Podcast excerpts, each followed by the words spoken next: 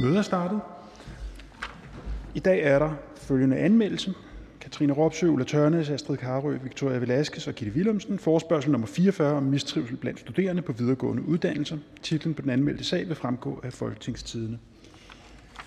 Det første punkt på dagsordenen det er første behandling af lovforslag nummer L 119, forslag til lov om ændring af lov om indhentelse af børneattest i forbindelse med ansættelse af personale med videre. Forhandlingen er åbnet. Første ordfører er Henrik Møller fra Socialdemokraterne. Vær så god.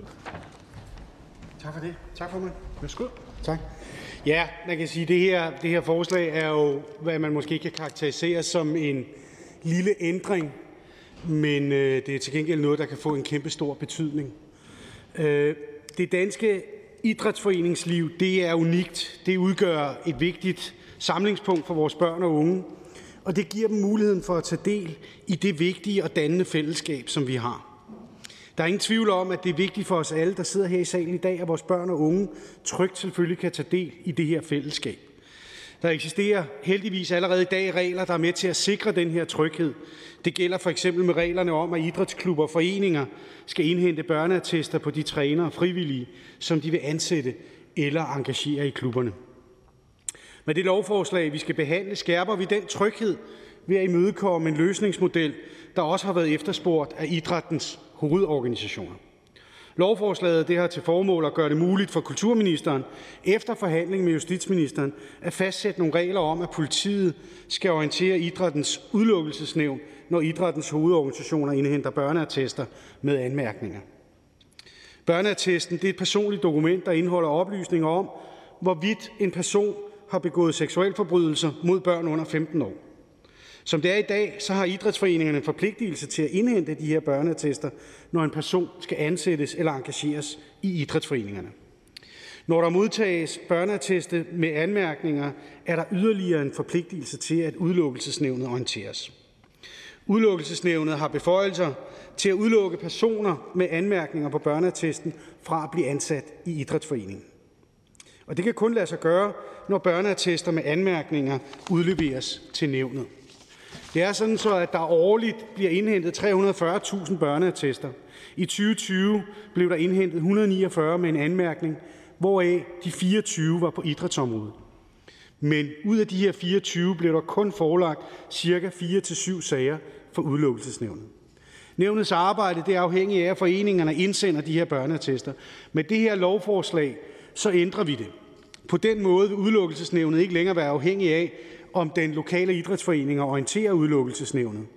Og dertil så kommer, at politiets orientering af udelukkelsesnævnet vil give et overblik over, om lokalforeningerne foretager problematiske vurderinger. Vores danske idrætsliv det er unikt, og det danner rammen om nogle vigtige og givende fællesskaber. Det skal vores børn og unge også i fremtiden kunne tage tryg del i. Det tager vi med det her lovforslag et ekstra skridt for at kunne sikre. Derfor så støtter vi fra Socialdemokratiets side af lovforslaget. Tak til den socialdemokratiske ordfører. Der er ikke nogen korte bemærkninger. Næste ordfører er hr. Sten Knudt fra Venstre. Nej, nej, det skal vi ikke. Men du må altid gerne, men du skal ikke. Ja, det er godt. Så, det er fint service.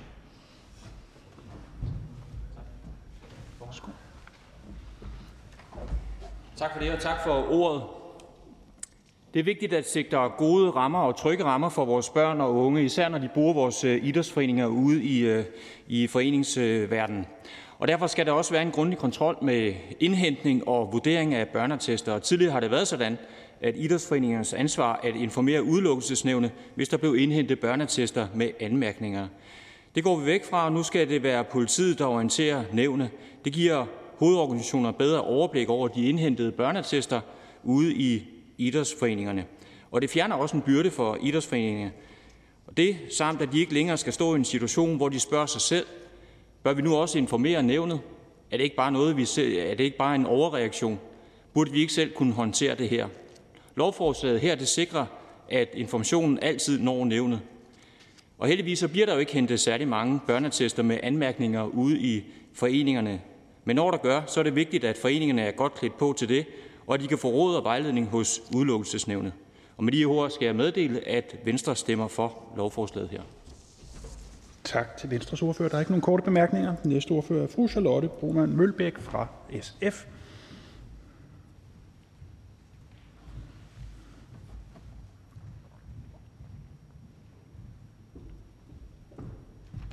Værsgo. Tak for det. Det er så enormt ulykkeligt, når børn og unge mennesker oplever at blive udsat for krænkelser.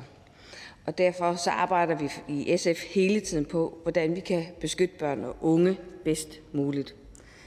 Når ulykken er sket, så skal man være klar til at reagere på det, så man får sat for det første en stopper for krænkelserne. Krænkeren skal øh, selvfølgelig også ind i retssystemet. Der øh, er en rettegang for det. Men vi skal også sikre, at det ikke sker for andre. Det skal aldrig være sådan, at unge mennesker oplever krænkelser, når de dyrker fritidsinteresser. I virkeligheden aldrig nogen steder. Men virkeligheden er, at det sker, også i de lokale foreninger, og det er også sket i nyere tid. Og i den forbindelse har vi set, hvor svært det faktisk også kan være for foreningerne at håndtere det. Og derfor er vi glade for, at der er en øh, opstramning på området med det her lovforslag, så tilfældene forhåbentlig bliver færre. Med forslaget foreslås det, at politiet skal orientere udelukkelsesnævnet, idrættens, øh, idrættens udelukkelsesnævn, når hovedorganisationernes øh, lokale foreninger henter børneattester med anmærkninger. Og det er godt, for med denne regelændring så understøtter vi idrættens kontrolinstans og skaber et værn mod krænkelser i idræts- og foreningslivet, som vi i Danmark er så kendt for, og som vi skal blive ved med at passe rigtig godt på. I SF er vi også villige til at gå videre øh, end det.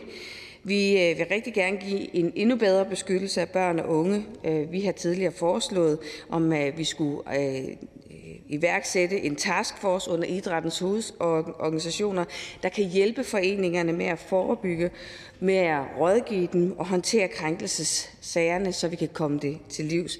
Det er ikke en nem sag at stå derude for de lokale frivillige, og derfor så bør vi også støtte dem endnu mere på det. Og vi er også villige til at arbejde med andre initiativer, der kan hjælpe børn og unge i, øh, i de her situationer, og i virkeligheden også de lokale foreninger, hvor man har oplevet krænkende adfærd, og hvor man oplever krænker, der også turnerer rundt øh, i nogle af de her foreninger rundt omkring i landet. Og det håber jeg, det arbejde, ministeren vil tage op. Men med de bemærkninger, så bakker vi i SF op om lovforslaget.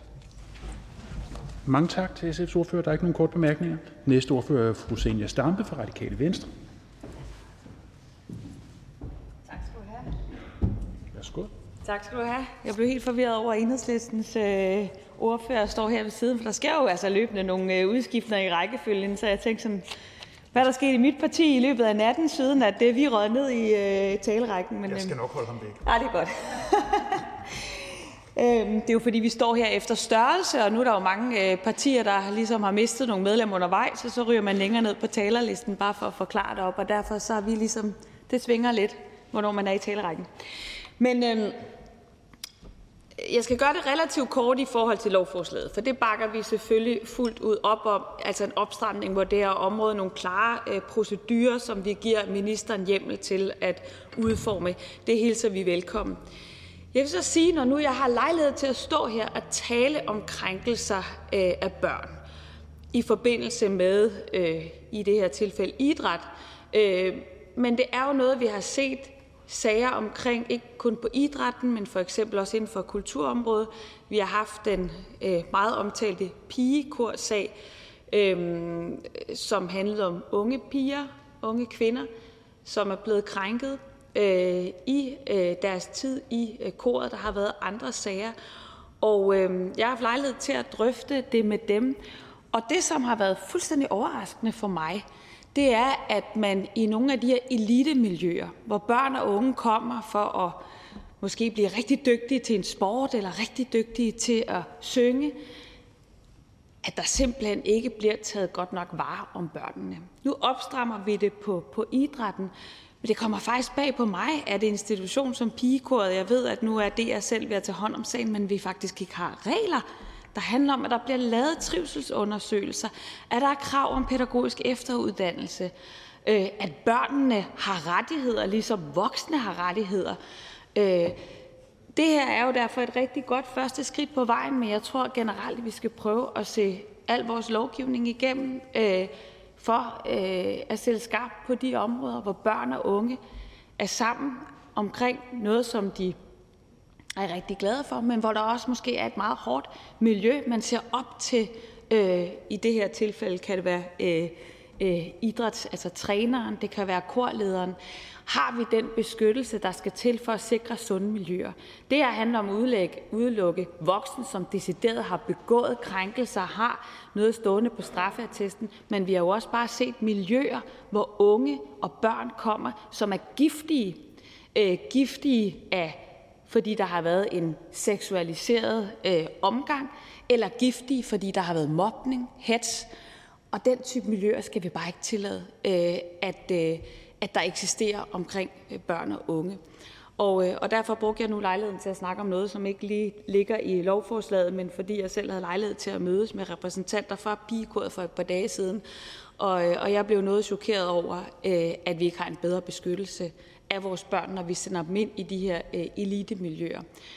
Når det så er sagt, så skal vi selvfølgelig også værne om kultur- og fritidslivet, som i høj grad også øh, eksisterer på baggrund af frivillighed, engagement. Selvfølgelig skal vi ikke øh, spænde ben med en masse byråkrati, men vi har virkelig et ansvar for at sikre, at det er sunde miljøer, som børn bliver dygtige af at deltage, men som de også bliver glade øh, og har en god trivsel ved at, at deltage og engagere sig i, og ikke det omvendte, som vi desværre har set Øh, i idrættens verden, men jo altså også kulturens verden.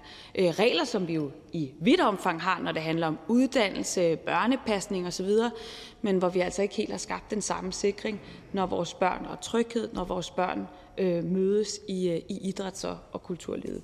Så med de ord skal jeg meddele, at vi bakker op om, og forslaget er det hele taget meget optaget af problemstillingen, hvordan vi sikrer vores børn og unge i idræts- og kulturlivet. Tak til den radikale ordfører. Der er ikke nogen korte bemærkninger. Næste ordfører er hr. Christian Juhl fra Enhedslisten. Vær så artig. Nej, der er hverken sket øh, forandringer i radikale eller enhedslistens kandidatantal. Øh, vi øh, holder lidt igen med at, at efterligne andre partier, hvad det angår i hvert fald på nuværende tidspunkt. Jeg er bare rigtig glad ved, når mine kollegaer og jeg stiller os op dernede, fordi så går det hurtigere for formanden at få tingene til at glide. Og så kan man jo få sig en lille alkoholfri drink i form af et glas øh, mineralvand, inden man går på talerstolen. Det er jo den store service, vi har der. Øhm, øh, L 119 er en, et vigtigt supplement. Det skal være trygt øh, for børn øh, at komme i øh, idrætsklubber og deltage i sport og ikke øh, opleve overgreb. Og det skal vi gøre alt, hvad vi kan. Og jeg er enig med Radikales ordfører, at det drejer sig ikke kun om idræt og sport. Det drejer sig alle steder, hvor unge mennesker øh, risikerer at blive udsat for overgreb. Vi er positive over for forslaget. For enhedslisten er det naturligvis uhyre vigtigt, at vi kommer seksuelt misbrug af børn og unge til livs.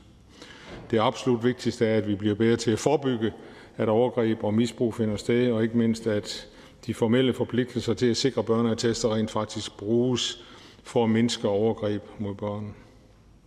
Med det her lovforslag der styrker vi underretningsmekanismen, så overgreb nu i endnu højere grad kan forhindres.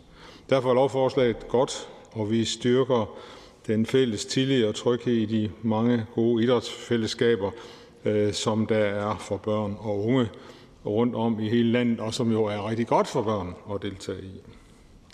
Foreninger, som er medlem af DIF, nemlig Dansk Firmaidræt og DGI, er underlagt forpligtelsen om at underrette under, udelukkelsesnævnet, når foreningen modtager en børneattest med anmærkninger. I enkelte tilfælde, hvor underretningspligten ikke skulle ske, er der i dag øh, i loven ikke nogen sikring for at efterprøve, om foreningerne opfylder deres forpligtelser. Det kan vi ikke acceptere. Derfor ser vi med glæde på, at lovforslaget kan være med til at sikre, at vi kan beskytte børnene. Øh, DIF, Dansk Firmaidræt og DGI nævner i deres høringssvar, at de ligeledes er positive over for lovforslaget, men Enhedslisten kan også godt se problematikken, som DIF og Dansk Firmaidræt og DGI rejser, nemlig at der i lovforslaget lægges op til, at politiet kan videregive oplysninger til en ikke-formel juridisk enhed, altså udelukkelsesnævnet. For Enhedslisten er det vigtigt, at det sikres, at, det, at der er den rette juridiske enhed, der modtager orienteringer og underretninger om, at foreninger indhenter en børneattest med anmærkninger. Derfor er det vigtigt, at orientering fra politiet skal gå til de rette juridiske enheder, som også kan handle på det her område, som rådgive medlemsforeningerne. Derfor vil vi gerne rejse det spørgsmål i udvalgsbehandlingen, øh, og så vi kan sikre, at orienteringen formelt ender det rigtige sted. Vi ser frem til den videre behandling af lovforslaget. Tak til enhedslistens ordfører. Ingen kort bemærkninger. Næste ordfører er hr. Dennis Flydtkjær fra Dansk Folkeparti. Værsgo. I Danmark har vi jo tusindvis af frivillige i vores foreningsliv, og det er jo en fantastisk ting. Det er jo livsnerven i store dele af forenings Danmark. Det, der er limen i mange af vores lokalsamfund, der hvor folk kan mødes. Øh, tusindvis af børn mødes både for at have det sjovt, øh, for at dyrke idræt eller bare være, være sammen. Men der er også nogle få, som vi ikke ønsker som ansatte eller frivillige eller som træner i foreningslivet. Og det er jo blandt andet folk, der har fået en dom for seksuelle krænkelser. Og det er jo vigtigt for at beskytte vores øh, børn og unge, at vi tager hånd om det og sørger for, at de ikke får snedet sig ind et eller andet sted, hvor det ikke er særlig hensigtsmæssigt.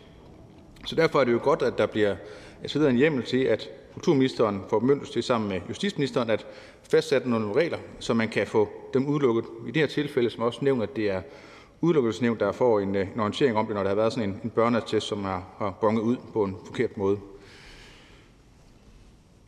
Derved kan vi så også måske forhåbentlig sikre, at idrættens hovedorganisationer de bedre kan rådgive deres foreninger, men også kan få udelukket de personer, som det ikke skal være der. Så vi er sådan set enige i, i formålet med lovforslaget. Jeg undrer mig dog lidt over, hvorfor det skal være en hjemmel til, at ministeren senere kan fastsætte det ved bekendtgørelse. Hvorfor slår vi det ikke bare fast ved lov nu? Altså, kan vi ikke bare sige, at politiet skal orientere dem, i stedet for at vi skal give ministeren beføjelse til at sige, at politiet skal gøre det? Altså, hvorfor skal vi have den ekstra led ind? Altså, jeg undrer mig tit også, når vi skal fastsætte noget ved lov, så skal folk læse loven, så kan oven, så er der henvist til bekendtgørelse, så skal man finde den og læse den også. Hvis vi er enige om, at det skal være sådan, så kan vi bare slå det fast nu. Så ministeren kan måske sige noget mere om, hvorfor skal det give ministeren beføjelse til, at man kan gøre det senere, hvorfor gør vi det ikke bare?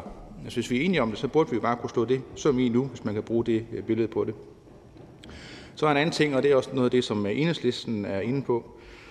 Hvorfor vi ikke orienterer idrættens hovedorganisationer direkte, altså Danmarks Idrætsforbund, DGI og Dansk Firmaidræt. Hvorfor skal det være udelukkelsesnævn, der får orientering, som så skal gå videre til hovedorganisationer, som så skal rykke på det? Hvorfor giver vi ikke bare beskeden direkte til hovedorganisationerne? Det nævner de jo også selv i, i høringsvarene. Altså, jeg synes, det er, det hører mere hjemme der. Så, og det er jo ikke, fordi jeg er uenig i formålet, men det er mest det, det praktiske i det, hvor det skal ligge henne. Så jeg vil gerne også i udvalgsarbejdet, og også gøre ministeren kan sige noget fra talerstolen, altså jeg, jeg er tilfreds med begge dele, hvis de får det på skrift senere, men hvorfor er det ikke en direkte orientering til hovedorganisationerne i stedet for? Så vi er, vi er helt enige i, i formålet, men er selvfølgelig nysgerrig på, hvorfor fastslår vi det ikke bare ved lov nu, altså i stedet for en bekendtgørelse, så den sidste del, jeg nævnte med, at det skal gå en orientering direkte til hovedorganisationerne i stedet for. Men vi er positive for det, øh, så det er mere nogle øh, mindre detaljer, vil jeg betragte, som vi ønsker at få kigget på. Tak til Dansk Folkepartis ordfører. Der var ikke nogen gode bemærkninger. Så er det her Lars Bøje Mathisen fra Nye Borgerlige. Tak for det. Jeg bliver altid glad, når min gode kollega fra Dansk Folkeparti bliver nysgerrig. Så er det regler noget godt at komme efter der. Så, så lad os da bare få et, et, et, et godt svar fra ministeren. Jeg er sikker på, at man også har en eller anden overvejelse over det, og så kan vi jo få afsluttet det, og vi kan alle sammen gå øh, på weekend med rolig sind i, i kroppen. Øh, Nye Borgerlige kan sagtens støtte det her. Det handler om øh, børns sikkerhed. Det handler om, at de kan trives trygt i vores idrætsliv, og det tror jeg næppe, at der er nogen, der kan være uenige i. At det skal vi selvfølgelig sikre rammerne for. Øh, og så kan jeg forstå på enhedslisten, at der er alkoholfri øh, vand derovre, og det er, jo, det, er jo, det er jo dejligt. Man kunne ønske, nogle gange kunne jeg ønske, at jeg måske er kommet 30-40 år for sent i Folketinget, fordi der var en, jeg hørte, der var en lidt sjovere alkoholpolitik i gamle dage i Folketinget, end hvad der nu er. Men, men sådan er det nok måske godt nok, når alt kommer til alt, at der er ting, der har forandret sig. Så med Nyborg kan jeg sagtens støtte det her forslag. Tak til Borgerlige ordfører. Jeg kan forsikre om, at der aldrig er blevet udskænket alkohol i Folketingssalen. Øh, den næste ordfører er øh, ja, den øh, næste på talerlisten er kulturministeren. Sådan må det være.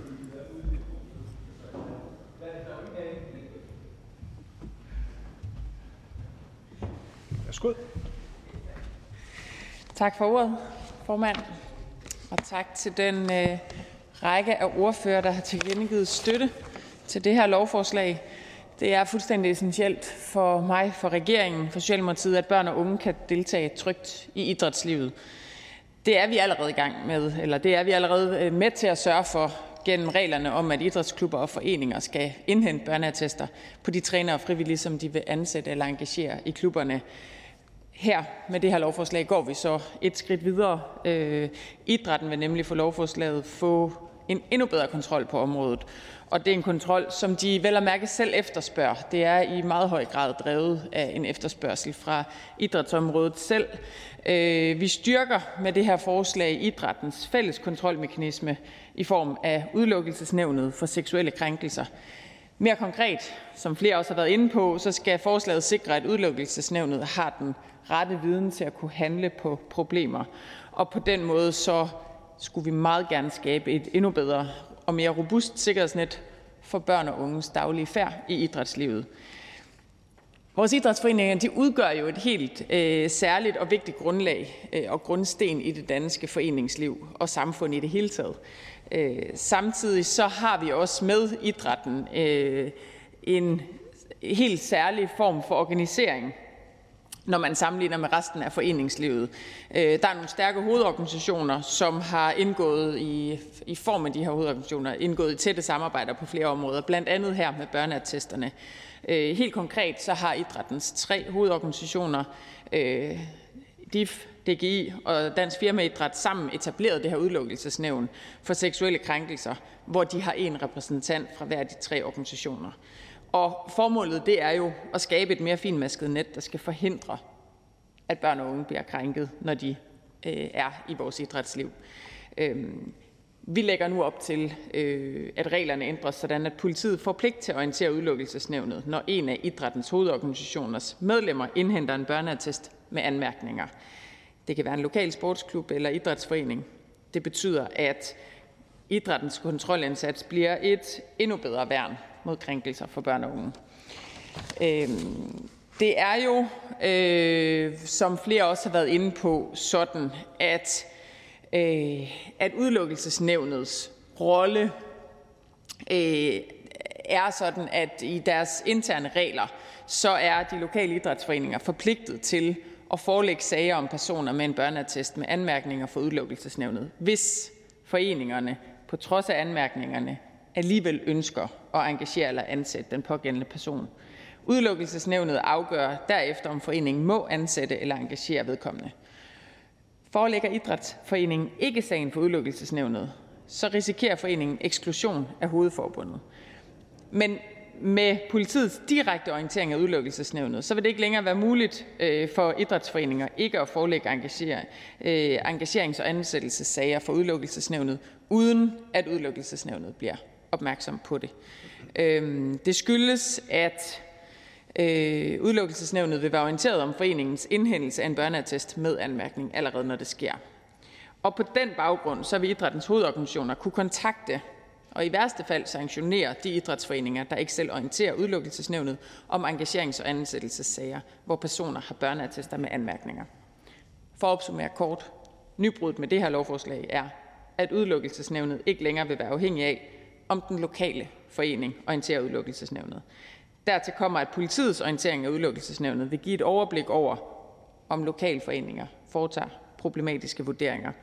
Det er en løsning, der længe har været efterspurgt af idrætten med støtte fra flere humanitære øh, organisationer, så jeg glæder mig over, at det nu endelig kan blive en realitet.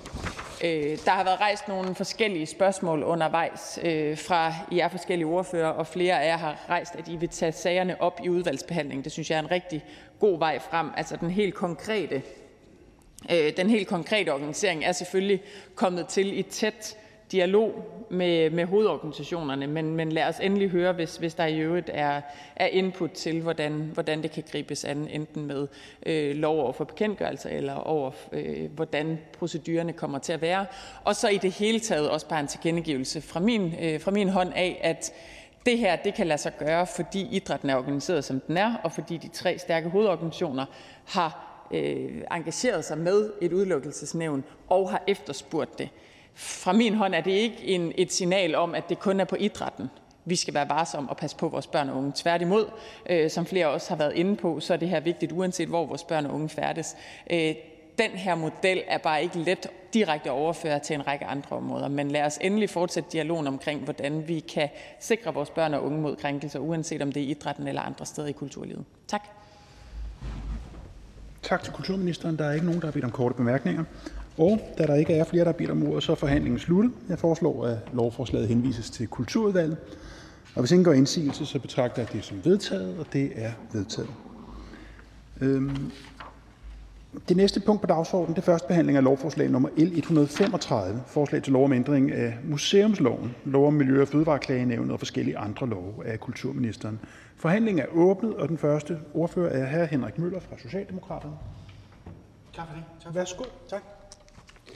Ja, jeg, jeg havde egentlig på et tidspunkt tænkt, om jeg fik muligheden for her fra talerstolen at kunne sige to be og not to be. Øh, og det er jo, når man, øh, når man, når man kommer født og opvokset i Helsingør, øh, er man jo født med, med Hamlet Slot Kronborg, øh, som jo i den grad har haft en enorm betydning i forhold til kulturarven, til historien, i forhold til den identitet, som i hvert fald rigtig mange borgere oppe i det nordlige øh, hjørne af, af Sjælland øh, har med sig. Øh, og jeg synes, det hænger lidt sammen med det her med, at kulturarven og historien er med til at definere os som mennesker. Det er sådan, at vores fælles kulturarv den udgør fundamentet for det samfund, vi lever i dag. Den fortæller os om fortiden, men den fortæller os også om nutiden og fremtiden. Og dermed så siger den noget om, hvem vi er. Vores fælles historie den skal være tilgængelig for alle danskere, og det lovforslag, vi nu skal behandle, øh, er et forsøg på at bidrage til det her. I juni 2021 der nedsatte den daværende kulturminister en arbejdsgruppe, som fik til opgave at komme med forslag til konkrete ændringer i museumsloven. Ændringerne de skulle dels muliggøre en gennemførelse af fysiske formidlingstiltag på beskyttede fortidsminder, og dels løse en række andre udfordringer med den eksisterende museumslovs bestemmelser om beskyttelse eller beskyttende fortidsminder. Lovforslaget det er udarbejdet på baggrund af arbejdsgruppens anbefalinger, og den består overordnet i seks dele. For det første så foreslås det at øge gennemsigtigheden for borgerne ved behandling af ansøgninger om dispensation. Derfor så bliver det skrevet ind i loven, hvilket forhold, der tillægges positiv vægt ved behandling af dispensationer. På den måde så bliver det lettere for borgerne at få indsigt i, hvordan og med hvilke forbehold de her dispensationer behandles. For det andet, at der gives mulighed for at gennemføre fysiske formidlingstiltag for et begrænset antal fortidsminder, hvis ændringerne understøtter tilgængeligheden og formidlingen af mindet til gavn for borgerne. For det tredje, at det skal gøres lettere for de danskere, der bor på fortidsminder. Derfor skal der i højere grad kunne gives dispensation til ændringer på beskyttede fortidsminder, der i dag har en anvendelse, som ikke er en del af fortidsmindets oprindelige funktion. For det fjerde foreslås det, at der fremover kan foretages ændringer af mindre betydning på fortidsminder, uden der bør søges om dispensationer. Det kan indebære opsætning af parasoller, bænke og lignende. For det femte foreslås det automatisk beskyttelse efter 100 år fortidsminder, der er opført i 1965 eller tidligere, ændret. Således vil beslutningen om, hvorvidt et fortidsminde opført i 1865 eller senere skal beskyttes, blive vurderet på en konkret faglig vurdering.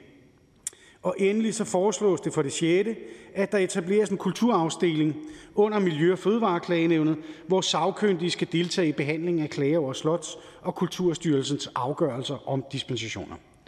Lovforslaget det bidrager dermed alt i alt til at sikre en bedre balance mellem på den ene side at kunne formidle historien, som vores fortidsminder rummer, og på den anden side fortsat at beskytte og bevare fortidsminderne, så fremtidige generationer også har mulighed for at opleve vores fælles kulturarv. Socialdemokratiet støtter derfor forslaget. Mange tak til den socialdemokratiske ordfører. Der er ikke nogen kort bemærkninger. Næste ordfører er hr. Sten Knudt fra Venstre. Værsgo. Tak for det, og tak for ordet, formand. I Venstre der ønsker vi at bevare vores øh, fortidsminder, og vi ønsker også at åbne dørene op, så flere kan se vores historie og vores kulturarv. Vores fælles kulturarv har enorm værdi for forståelsen af fortiden, men jo også for, på den nutid, vi står på, og den fremtid, der kommer. Og derfor vil Venstre, at vores fælles kulturarv den skal være mere tilgængelig for alle. Med lovforslaget her, så får vi en mere gennemskuelig dispensationsproces, For det skal være let at gennemskue, hvilke forhold der tillægges vægt, når der søges dispensation til at ændre fortidsmindet. Det vil gøre dispensationsprocessen lettere at forstå, og det gør lettere at lave ændringer. Ændringer er til gavn for formidling og tilgængelighed til vores fortidsminder. Men der skal også være en balance, for der skal tages hensyn til vores kulturarv og fortidsminder, og der skal også tages hensyn til formidling og tilgængelighed. Alle skal have mulighed for at nyde glæde af vores kulturarv, vi deler, og i Venstre der glæder vi os over, at vi indfører en bagatelgrænse for ændringer af fortidsminder. Og på den måde så undgår vi unødige processer og kan i stedet fokusere om det, der er vigtigt, nemlig at få glæde og gavn af vores fælles kulturarv. Og der skal ikke være nogen tvivl om, at Venstre hilser lovændringerne her meget velkommen. Og med de ord så vil jeg meddele, at Venstre stemmer for lovforslaget her, og jeg skal også hilse for konservativ og sige, at de stemmer også for. Tak. Der er en kort bemærkning fra hr. Christian Juhl. Tak for det. Jeg vil gerne i den her sammenhæng øh, sige tak til Venstre for, at vi ikke skulle igennem en, øh, efter min mening, brutal og meningsløs øh, anlægslov, som I havde varslet, at vi skulle diskutere tidligere på ugen. Øh, jeg har stadigvæk ikke forstået, at et parti som Venstre, som i hvert fald i ord øh, siger, at de vil værne om fortidsminderne, øh, overhovedet kunne finde på at bruge så brutal en lov som anlægsloven inden for det her område. Jeg mener, det burde være fuldstændig øh, udelukket, at man bruger en anlægslov, når det drejer sig om fortidsminder. Men hvad er grunden til, at Venstre overhovedet kunne finde på at bruge en anlægslov i sådan, i sådan et tilfælde? Værsgo, ordføreren. Ja tak. Jeg kommenterer gerne og diskuterer gerne med ordføreren øh, i anden sammenhæng øh, et, øh, et forslag, som ikke øh, vi i dag skal kommentere på. Her skal vi have have kommenteret på de, øh, de muligheder, øh, en revidering af museumsloven jo angiver, og ikke en øh, anlægslov. Værsgo, spørgeren. Nej, men det er jeg fuldstændig enig om. Det er to forskellige ting. Men Venstre har jo i forhandlingerne igen og igen og igen truet med at bruge anlægslov, hvis ikke de fik deres vilje i de her forhandlinger.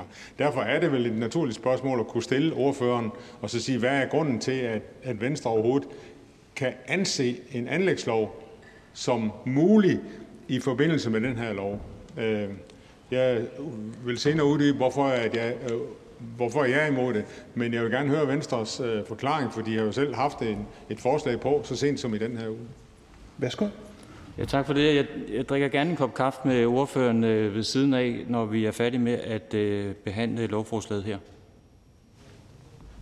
Tak til Venstres ordfører. Der er ikke flere korte bemærkninger. Den næste ordfører er fru Charlotte Broman Mølbæk fra SF.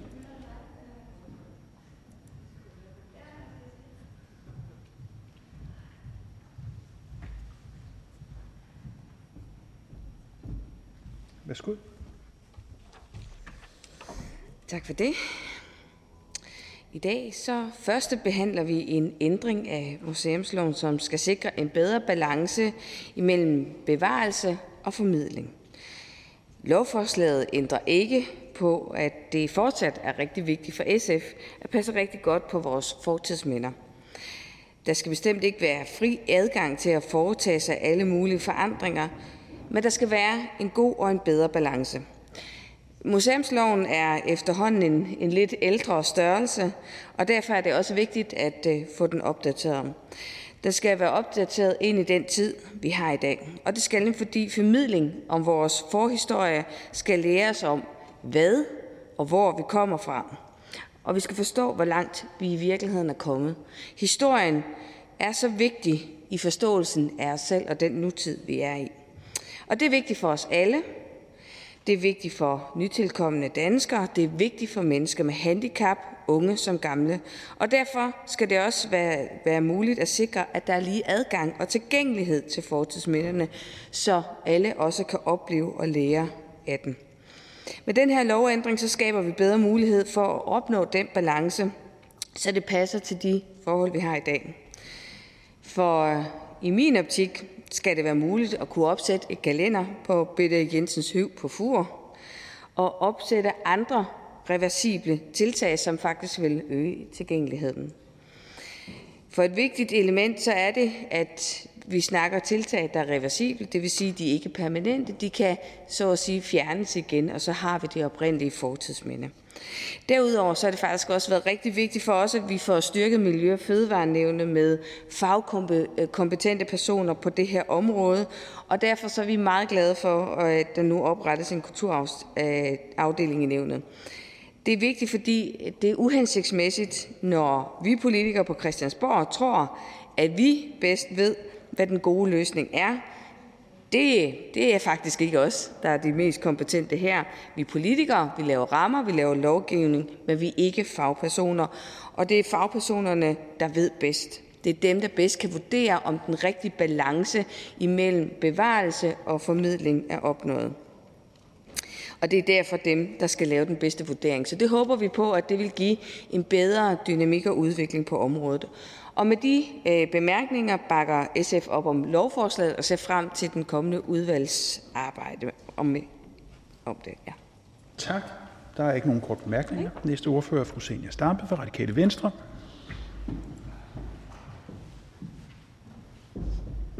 Værsgo. Tak for det. Det her er nok et af de mest gennemarbejdede lovforslag, jeg nogensinde har skulle tage stilling til. Og det er jo rigtig godt, fordi det er også en vigtig sag øh, at beskytte og passe på og formidle vores fortidsminder. Grundlaget for den lov, vi lægger frem i dag, er jo et udvalgsarbejde. Øh, og jeg kan egentlig ikke huske, om det direkte var sagen omkring Nyborg Slot, der foranledede det udvalgsarbejde. Men der har været flere sager, hvor øh, blandt andet Nyborg Slot, andre sager, hvor man ikke har fået lov til at ikke lave om på fortidsmindet, men, men, men lave et eller andet, sætte skilt op, lave en trappe, øh, lave et formidlingssted omkring fortidsmindet, øh, som, øh, som måske har været lige lovligt restriktiv. Øh, og derfor så øh, nedsatte vi et, øh, et udvalg, der skulle se på, hvordan den rette balance er mellem at passe på fortidsminder, altså ikke lave dem om, men alligevel sørge for, at hvis man er gangbesværet, så kan man altså også komme op på en høj, øh, eller at øh, man kan gøre ting, der gør det nemmere at formidle kulturarven. Fordi jeg har det jo selv sådan, at øh, kulturen er jo heller ikke meget værd, hvis man ikke formidler den. Den er i hvert fald ikke meget værd for os og vores generation, hvis den bare ligger der og vi ikke formidler den. Omvendt så kan vi jo heller ikke rigtig gøre os til herre over kommende generationer. Altså vi kan have et syn på, hvordan vi bedst formidler kulturarven, men det kan være om to-tre generationer, at de har et helt andet syn på det. Og så går det jo heller ikke at lave kulturarven om så meget, at de ikke kan gøre det på den måde, de gerne vil. Kulturarven er jo noget, vi skal passe på. Kulturen er noget, vi formidler, men kulturarven er også noget, vi videregiver til næste generation. Og derfor synes jeg, at det er rigtig godt, at der er fundet en god balance i udvalgsarbejdet øh, mellem altså at passe på fortidsmindet, men på en måde, hvor vi også kan formidle øh, kulturarven, på en måde, hvor vi kan gøre den tilgængelig øh, for alle, på en måde, hvor vi ikke øh, sætter begrænsninger for, hvordan eftertiden vil formidle kulturarven. Den balance fandt man i udvalgsarbejdet. I sidste ende er det jo en politisk beslutning, men jeg er rigtig glad for, at et meget bredt flertal i Folketinget har valgt at lægge sig op af udvalgsarbejdet, fordi udvalget har bestået af folk, der har arbejdet med det her i mange år. Og det har jo været en diskussion blandt museumsfolk, folk, der arbejder med kulturarv i mange år, øh, hvor man kan sige, at der både er den holdning, at man overhovedet ikke må lave op på noget som helst, og kulturarven den står, som den gør. Man skal også se, at tiden går, og monumenter falder sammen, og så må de ligge der, og det skal vi ikke lave om på, til, til man kan sige et, et, et, en, en anden yderlighed, hvor man siger, at så må man genrejse ting, så det ser ud, som de gjorde i gamle dage, osv. osv. Og, øh, og der har man fundet, synes jeg, en rigtig god midterposition, øh, hvor det nemlig er vigtigt, at vi må ikke lave forandringer af kulturarven, som man ikke kan skrue tilbage, så at sige, hvis der kommer nye generationer, der har et andet syn på, hvordan man formidler kulturarven. Øh, omvendt så er den bare ikke noget værd, hvis den bare ligger og forfalder, og til sidst kan man slet ikke se, at der engang lå en ringborg her, eller, eller hvad det nu er, vi taler om. Og, øh, og derfor synes vi, det er en rigtig god balance. Det er en god balance, som museumsfolkene har fundet, fordi de også har været uenige, og det er rigtig godt, at et bredt flertal i Folketinget også bakker op om den balance og nuance, som, som lovforslaget bygger på. Som de ord vil jeg sige, at det radikale venstre støtter lovforslaget. Tak. Der er ikke nogen kort bemærkninger. Næste ordfører er hr. Christian Juhl fra Enhedslisten. Værsgo. Tak for det. Det var ikke tilfældigt, at jeg spurgte Venstre om, øh, hvad de mener. De har haft en kampagne kørende for, at de allerede for et år siden ville lave en anlægslov i Nyborg, øh, fordi at de øh, Nyborg Slots-projektet blev underkendt i nævnet. Og øh, det er en af de mest brutale love, vi har, så derfor øh, er vi da nødt til at have klarhed på, at at et parti, der kan risikere at være regeringsbærende parti, kan finde på at bruge den slags love i øh, forbindelse med vores kulturarv, er ganske uacceptabelt efter min mening, og vi skal have fundet en vej til at, at forhindre det. Vi skal passe godt på vores kulturarv og beskytte vores fortidsminder. Det er vigtigt for enhedslisten, at vi fastholder, at museumslovens grundlæggende princip også i fremtiden er at beskytte fortidsminderne og bevare dem for eftertiden. Øh, og øh, vi skal fastholde princippet om, at der ikke må foretages ændringer i fortidsminder. Inden for de rammer der skal vi selvfølgelig sørge for, at der er formidlingsmuligheder, og jeg er rigtig glad ved, at der rent faktisk teknologisk er mulighed for, og det har vi set på rigtig mange øh, museer, der ligger i nærheden af fortidsminder, at man har kunne bruge de digitale muligheder til at fremme en reel oplevelse af at gå tilbage i tiden og faktisk leve i den tid, hvor fortidsminderne øh, spillede en rolle. Og derfor gør det lettere for os at undgå de skandaler, vi har set, hvor man har lavet overgreb på fortidsminder, øh, så der ikke kunne, øh, der ikke kunne føres tilbage igen. I det her, den her aftale der står der blandt andet, at partierne er enige om, at museumslovens grundlæggende princip fortsat bør være at beskytte fortidsminder og bevare dem for eftertiden, og dermed sikre, at fremtidige generationer også har mulighed for at se og opleve vores fælles kulturarv. Derfor fastholdes det overordnede princip om, at der ikke må foretages ændringer i fortidsminder. Det er den absolut vigtigste øh, punkt i den her aftale, og den står også allerøverst i aftalen. Og så står der også, at ændringerne skal være reversible. Det vil sige, hvis man sørger for, at mennesker med handicap skal have bedre adgang, så skal det kunne føres tilbage til den oprindelige øh, øh, hvad hedder det, tilstand. Hvis man laver sådan nogle ting, skal de være fagligt begrundet og fremme en bedre forståelse og oplevelse af fortidsmindet for offentligheden. Og det vil sige, at det skal ikke være kommercielle øh, shows og øh, hvad hedder det, forsøg på at tjene penge på fortidsminderne. Det skal være fagligt begrundet, og det skal fremme forståelsen for dette fortidsminde. Fortidsminder skal ikke være kulisser for kommercialitet. Så blev der oprettet en kulturarvsafdeling i Miljø- og Fødevareankenævnet, øh, hvor der knyttes to sagkyndige med faglig indsigt på kulturområdet, øh, og den skal behandle de samme type sager som i dag. Det tror jeg vil blive en skærpelse af de afgørelser, der vil komme, og det vil sige, at et eksempel, som vi så i Nyborg, det vil stadigvæk, tror jeg, det kan vi jo ikke vide, vi er ikke os politikere, der skal sidde i nævnet, men det tror jeg vil få en meget klar besked, end de har fået i, øh, i den sag, om at det ikke går at, at, at lave så store indgreb, som man har gjort i Nyborg.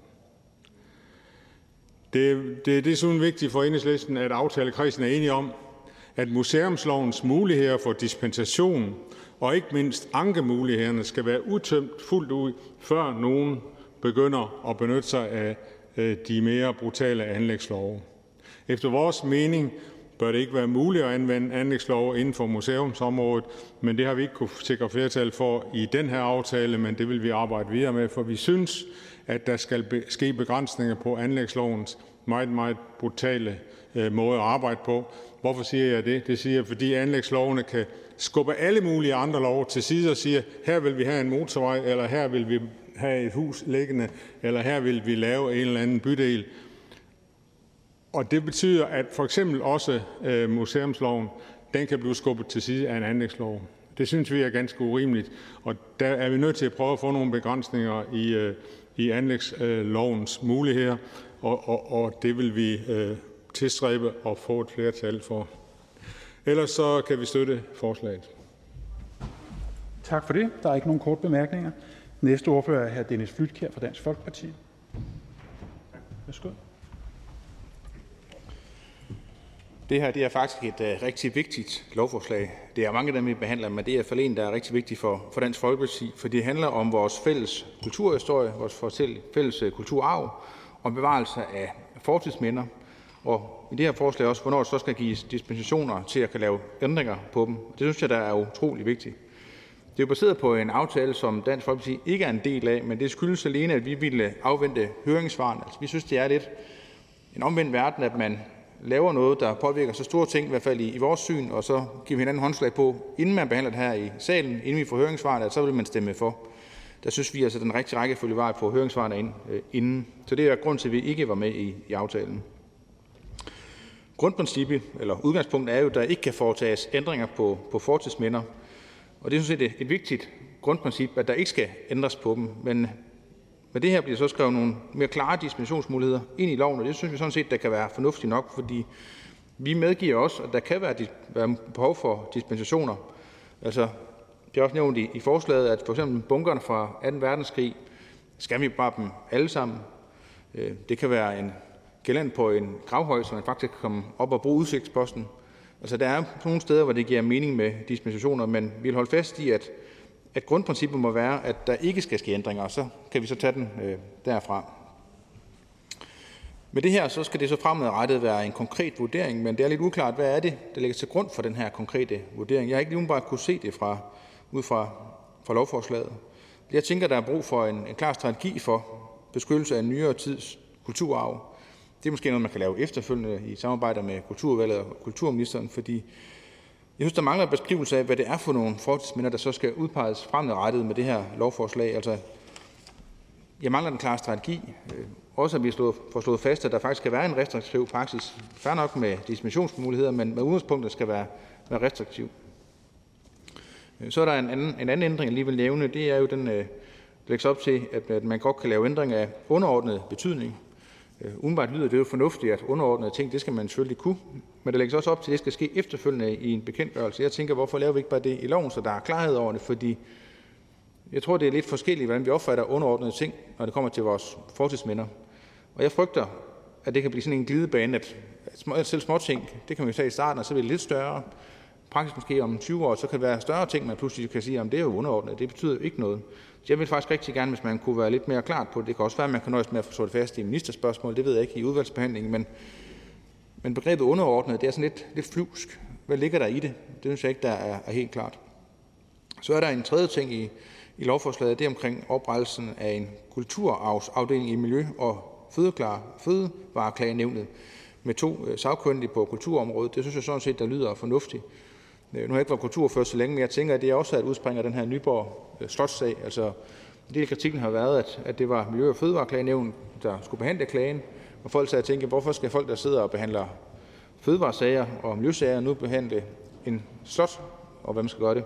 Og der synes jeg faktisk, det ville være, være fint, hvis man kan lave sådan en, en afdeling her. Jeg tror, det kunne med til at tage noget af presset af på de her sager, at der faktisk, hvis der er en forståelse for, at der er nogen, der har sagkyndige og noget viden om det, der har behandlet klagesagerne. Så det synes jeg faktisk, der er, er ganske udmærket. Så overordnet set synes vi, at der egentlig er mange positive ting i lovforslaget. Øh, vi håber dog, at vi kan få slået fast, også måske ministeren på talerstolen, at, at det stadigvæk skal være restriktivt, altså færre med dispensationer, men at vi skal ikke sådan rende og ændre på vores øh, fortidsminder. Det synes jeg, der er helt afgørende. Det er mulighed, og det er muligt, der skal være dispensationer nogle gange, men, men det, skal ikke være, det skal ikke være standarden, at man bare dispenserer fra, fra de her ting, og det håber jeg, ministeren kan øh, bekræfte fra talerstolen. Så har jeg allerede indsendt en række udvalgsspørgsmål, som jeg selvfølgelig ser frem til at få, få svar på, inden vi sådan tager, tager endelig stilling, men ellers er vi sådan grundlæggende positive for, for indholdet. Der er en enkelt kort bemærkning fra hr. Christian Juhl. Værsgo. Jamen, jeg kan ikke helt forstå uh, Dansk Folkeparti's ordfører, fordi at Dansk Folkeparti sad med til de første dele af forhandlingerne, og uh, vi oplevede faktisk det interessant, at Dansk Folkepartis forhandlere uh, gav enhedslisten ret i, at vi skulle holde fast i en lidt mere konservativ holdning til øh, fortidsminderne, og at vi fik det første punkt i i stemmeaftalen op som noget væsentligt, nemlig det, at, at, at det grundlæggende princip fortsat bør være at beskytte fortidsminder og bevare dem for eftertiden. Og derfor fastholde det overordnede princip, at der ikke må foretages ændringer i fortidsminder. Hvad er grunden til, at, at, øh, at, at Dansk Folkeparti så føler, at, at, at det er forkert? Fordi bagefter, da vi fik høringssvarene ind, der var vi nogen, der så skrev til ministeren og sagde, vi vil gerne være sikre på, at det og det og det i høringssvarene er omfattet af vores aftale, ellers vil vi have det ind i aftalen. Og det ligger der så skriftlige bekræftelser på. Og det vil sige, at vi har jo rent faktisk de garantier, der gør, at vi kan holde ministeren op på, at de betænkninger, der er kommet ind via høringssvarene, rent faktisk også skal overholdes. Jamen, tak for, for spørgsmålet. Så må jeg jo ikke have udtrykt mig, mig klart nok. Altså, jeg synes, jeg sagde mange gange i min tale, at jeg synes stadigvæk, det skal være en restriktiv tilgang til det. At dispensationer ikke skal blive normen på det. Det skal være særtilfældende. Jeg synes, det er afgørende, at man ikke render og ændrer hele tiden, men, men medgiver jo også, at der kan være behov for dispensationer. Men det er jo ikke noget, der skal gives ret tit, hvis det, får, hvis det står til mig. Altså, der har været en på, var det på Mors, eller var det på, jeg tror, det var på Fur, der var en, en gravhøj, hvor man satte et, et, et gelænder op på trappen, som var der i forvejen. Fair nok, det kunne man nok godt leve med, hvis man kan ændre tilbage igen, så det ikke har taget skade på, på fortidsmindet. Så, så vores indgang er stadigvæk, og det synes jeg, jeg gav udtryk øh, mange gange i min ordførertale, at det stadigvæk skal være restriktivt, at det er vigtigt, at man ikke hele tiden ændrer på de her ting. Øh, fru Signe Stampe var faktisk inde på også noget, som jo er væsentligt i den diskussion, det er jo, at det kan godt være, at vi tager hensyn til formidling nu, men hvad med om 10 år eller 20 år, så er det en anden måde, man gerne vil formidle på. Så dur det ikke, hvis vi har gjort uh, grundlæggende skade på de fortidsminder, vi, vi har. Så jeg synes, man skal passe meget på og at lave dispensationer. Altså, de må godt være der, men det skal være en restriktiv uh, tilgang til det. Det håber jeg, der også der fremgik af min, uh, min tale. Tak. Spørgeren, værsgo. Jo, men jeg spurgte, spurgte jo ikke om det, fordi det er vi jo ikke uenige i. Jeg spurgte om, hvorfor Dansk Folkeparti ikke gik ind i forliget og var med til at lave øh, selve stemmeaftalen. Det, det var det, ordføreren startede med at sige, at, at det var en mærkelig procedure. Jamen, der blev lavet en stemmeaftale, hvor der var i vid udstrækning mulighed for at påvirke det, og hvor vi rent faktisk påvirkede processen, og Dansk Folkeparti tilsluttede sig den kritik, jeg blandt andet gav af det første udkast. Og derfor undrer det mig, at man ikke går med i processen, og så bagefter siger, at nå ja, det er jo sådan set godt nok. Tak for spørgsmålet. Jamen, det, det skyldes jo, at noget, der, da jeg er blevet for Dansk Folkeparti, så synes vi, det var lidt mærkeligt, at man laver en stemmeaftale, hvor vi forpligter hinanden på at stemme ja, før man har høringssvarene. Altså, jeg synes faktisk, det gav, gav god mening, vi burde måske gøre det noget oftere. Vi får den ret, vi faktisk hører, hvad alle folk, der ved noget om det derude, folk, der har arbejdet med det i årtier, og de, hvad de nu ser i lovforslaget, skal ændres, og så kommer jo her i udvalgsbehandlingen, når vi så behandler det, prøve at få ændret noget. Det kan også være, at man bare siger ja, eller siger klart nej, det må man jo selv om. Men jeg synes faktisk, den rigtige måde at gøre det på må der være, men lige afventer og høre, hvad folk, der faktisk ved om det, synes om det. Det er derfor, vi forbeholder den ret ved at sige, at vi vil ikke være med i en aftale til at starte med. Vi vil gerne lige se, hvad, hvad fagkundskaben derude siger. Tak til Dansk Folkepartis ordfører. Der er ikke flere korte bemærkninger. Den næste øh, ordfører er hr. Lars Bøge Mathisen fra Nye Borgerlige. Værsgo. Jeg skal gøre det kort. Nye Borgerlige kan ikke støtte forslaget. Der var ikke nogen korte bemærkninger. Den næste på talerstolen er kulturministeren. Det var der ingen, der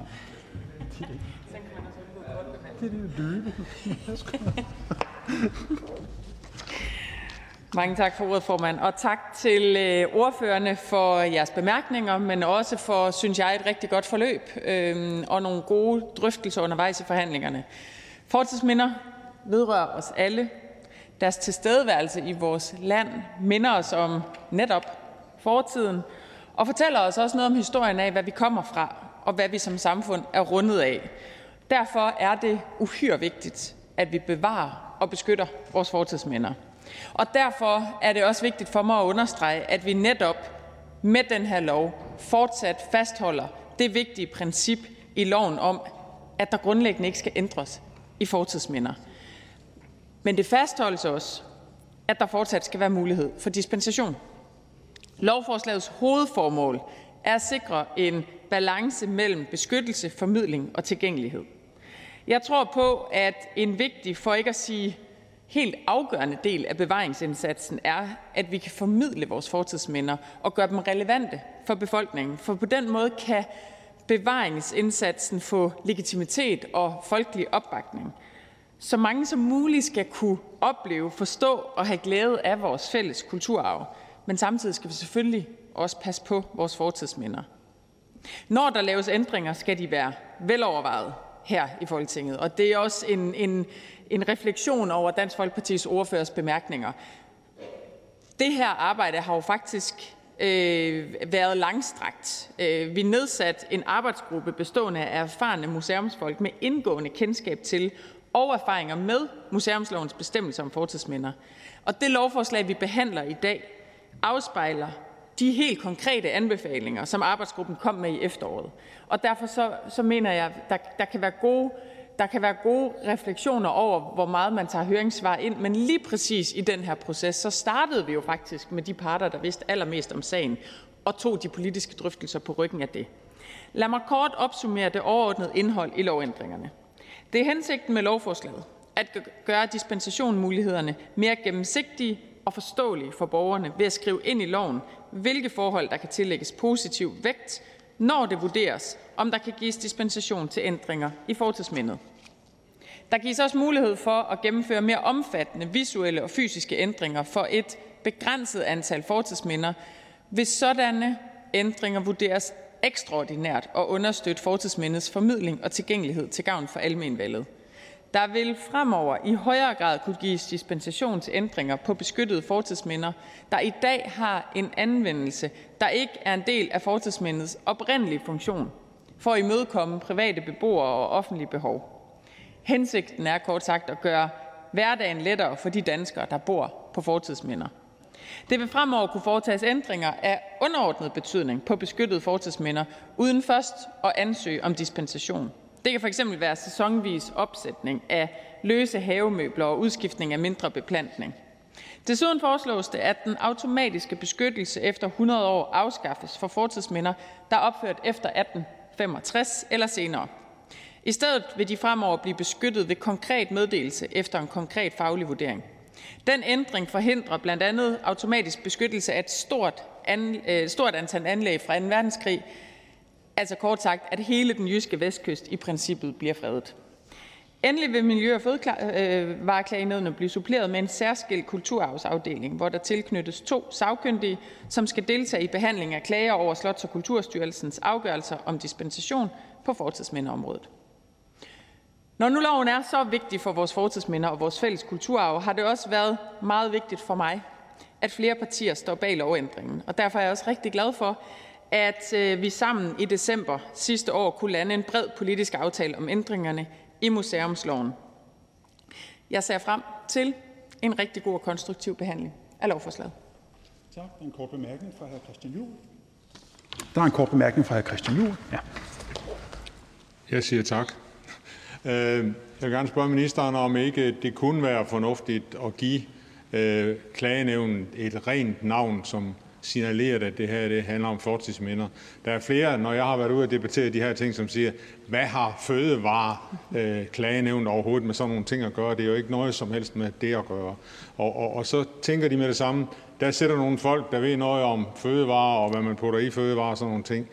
Kun, kunne man ikke ændre det? Jeg er enig i, at nu får vi ændret, hvad, hvad skal man sige, eller får styrket det faglige indhold, men det ville da også være fornuftigt over for borgerne at signalere, at det rent faktisk er et er et klagenævn, som havde med fortidsminder at gøre, sådan at vi giver rene og klare signaler og undgår de der dumme diskussioner om, om vi der er rigtig kloge, og, og lade sådan nogle øh, kalde eller kvinder øh, beslutte den slags ting.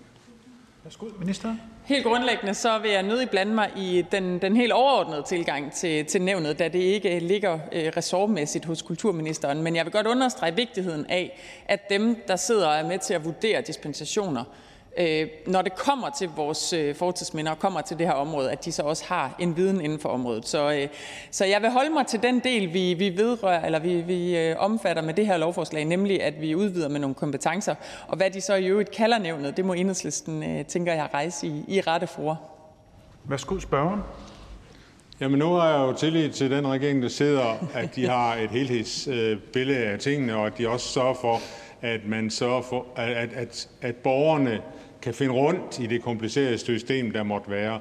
Og derfor vil jeg gerne bede ministeren om selv at tage initiativ til, at vi kalder det øh, klagenævnen for fortidsminder, eller noget, der ligner, og som associerer til det, vi rent faktisk snakker om. Det andet, det kan med en lille glimt i øjet kaldt falsk varebetegnelse. Værsgo. Tak for det. Øh, men altså forslaget er noteret, og men jeg ikke kan huske, at det har været bragt frem i de øh, måneder, vi har siddet og forhandlet, så er det da i hvert fald noteret, at det er enhedslistens ønske. Tak for det. Så, den næste kort bemærkning er til Dennis Flytkjær, Dansk Folkeparti. Værsgo. Øh, med det her lovforslag, så bliver tingene jo ikke automatisk fredet altså efter 100 år. Der skal det være en konkret mm. meddelelse om et sted, og efter en konkret faglig vurdering. Jeg høre, om ministeren ikke er enig i, at der mangler lidt en strategi for så hvad det er for nogle ting, der så skal have den her meddelelse og vurderes. også om ministeren kan sætte nogle ord på, hvad er det, der skal lægge vægt på i den her konkrete vurdering. Altså, jeg, jeg frygter jo oprigtigt, at, at det kan begynde at skride. Altså, vi kan jo godt sidde nu i Folketingssalen og sige, at vi, vi er enige om, hvad den konkrete vurdering skal være, men det kan jo være, at det er noget andet om 10 år. Så kan det være, at formidling pludselig vægter dobbelt så meget, og ikke bevarelsen af det. Så, så hvordan sikrer vi, at man beholder den her restriktive tilgang, når det er bare sådan en, en flydende konkret vurdering? Værsgo. Tak. Det er klart, øh, det, det stiller nogle yderligere krav, hvis man ikke har en automatisk fredning af ting. Øh, jeg mener, det er klogt, at vi ikke gør det, men øh, altså, at, at, vi, at vi vurderer for eksempel bunkeranlæggene enkeltvis og ser, hvad har størst historisk betydning, og så freder dem, der rent faktisk skal fredes. Øhm, men det er klart, som ordføreren antyder, at, at det, det, det kræver lige en, en ekstra refleksion over, hvad det så er, der faktisk skal fredes. Og det er et arbejde selvfølgelig, der, der skal pågå med, med stor respekt for øh, den generelle linje, jeg godt vil understrege, jeg oplever, øh, at øh, Dansk Folkeparti har, men som jeg også godt vil understrege, at regeringen har, at det er ikke øh, jeg tror, ordføreren får sagt øh, i, øh, i sin tale, om vi skal rende og ændre på fortidsminder. Jeg vil godt understrege, at det er ikke regeringslinje. Det har det heller ikke været undervejs i det her arbejde. Det er også derfor, at det her lovforslag er kommet til på baggrund af et solidt udvalgsarbejde med de mennesker, der faktisk har fingrene længst ned i det her og har størst viden omkring, hvad det er, der faktisk har stor historisk betydning i Danmark. Det er fortsat linjen, vi vil lægge, og som jeg også er helt sikker på, at de øh, fagpersoner med indgående kendskab til området vil lægge i det videre arbejde. Værsgo, spørger. Jeg er helt sikker på, at kulturministeren ikke ønsker bare at ændre for at lægge det fast. Det er mere, øh, hvor er vi henne måske om fem år eller om 10 år, fordi praksis flytter sig jo tit. Og hvad er det, praksis bliver om fem år? Bliver det så noget andet? Eller Senior Stampe nævnte det også, eller fru Senior Stampe sagde det også i hendes øh, tale. Det kan være af hensyn til formidling, eller er det en helt anden om, om 5 eller 10 år, noget, der er vigtigt for dem. Så hvordan sikrer vi dem, at, at man har den restriktive tilgang, når det ikke sker automatisk? Det er jo det, jeg, det, jeg frygter. Altså en, en konkret vurdering er jo meget flydende. Og jeg frygter jo lidt, at det måske om fem år, kunne det være en øh, evalueringsklausul, man putter ind i loven, at vi kigger på det her om fire år eller fem år? Kunne det være en mulighed, som man trods alt lige fik stoppet op og så, hvor, hvor, hvor ender vi hen med det her? Værsgo. Tak. Jamen, I forhold til øh, det, der også blev sagt fra fru Senia Stampe, så oplever jeg også, at øh, betoningen her var på det reversible. Og det vil jeg også godt endnu en gang understrege, også spiller en afgørende rolle for regeringen. At de ting, vi nu lægger ind, som der er mulighed for dispensation for blandt andet, at det at gøre ting, der er reversible, er vigtigt at understrege, fordi så tager vi netop ikke fremtiden som gisler. Så tager vi ikke næste generations tilgang til fortidsminder som gisler i, hvordan vi nu lige oplever tingene. Øhm, så, så det reversible er fuldstændig grundlæggende i, i mange af de ting, vi har med at gøre her. Øh, men det er klart, at den restriktive linje i det hele taget er gennemgående, også til trods for, at vi nu løsner, for eksempel af hensyn til formidling. Tak. Der er ikke flere kort bemærkninger. Og da der ikke er flere, der har bedt om ordet, så er forhandlingen sluttet. Jeg foreslår, at lovforslaget henvises til Kulturudvalget, og hvis ingen gør indsigelse, så betragter jeg dette som vedtaget. Og det er vedtaget. Det næste punkt på dagsordenen det er første behandling af lovforslag nummer L 134, et forslag til lov om ændring af lov om arbejdsmiljø af beskæftigelsesministeren. Forhandlingen er åbnet, og først så går ordet til Henrik Møller, ordfører for Socialdemokraterne. Tak for ordet. Værsgo.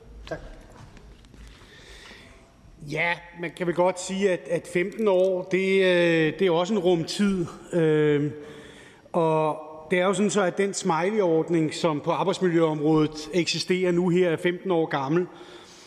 Og øh, der kan man sige, at en del af det, som er i, i arbejdstilsynets tilsyn, har ændret sig i løbet af de her 15 år. Det vil sige, der har været rejst noget kritik af, at smileyordningen ikke var retvisende, og at den ikke nødvendigvis er med til at understøtte et bedre arbejdsmiljø. Og der kan man så sige, jamen, så kan man jo fortsætte, som, som, som man har gjort før, men man kan jo også gøre det, som beskæftigelsesministeren gjorde, nemlig bad Arbejdsmiljørådet om at komme med et forslag til en gentænkning af den her ordning i 2020. Og der er det sådan, at Arbejdsmiljørådet har på den baggrund foreslået, at der bliver lavet en faktabaseret visningsordning, som kommer til at gælde for alle virksomheder. Så udgangspunktet er, at vi meget gerne skulle få øh, bedre tilsyn, men også øh, bedre information øh, om arbejdsmiljøet, som de enkelte virksomheder kan bruge. Så det er en udvikling, vi fra Socialdemokratiets side er i bifald, og derfor skal vi anbefale lovforslaget. Tak til den socialdemokratiske ordfører. Ingen kort bemærkninger. Næste ordfører er fru Anne Rasmussen fra Venstre. Værsgo.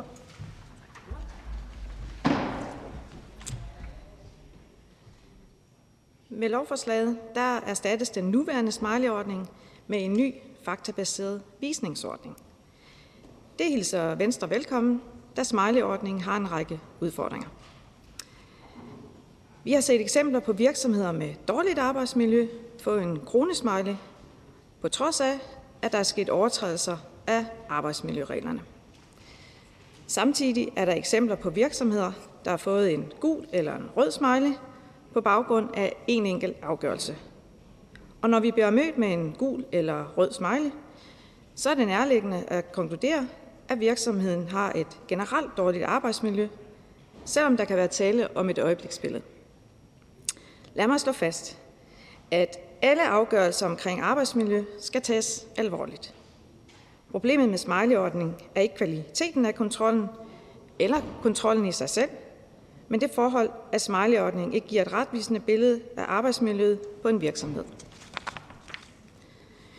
Vi skal undgå, at den nye visningsordning arver de samme problemer som smileyordning, og det betyder, at vi skal sikre os, at den nye visningsordning er troværdig.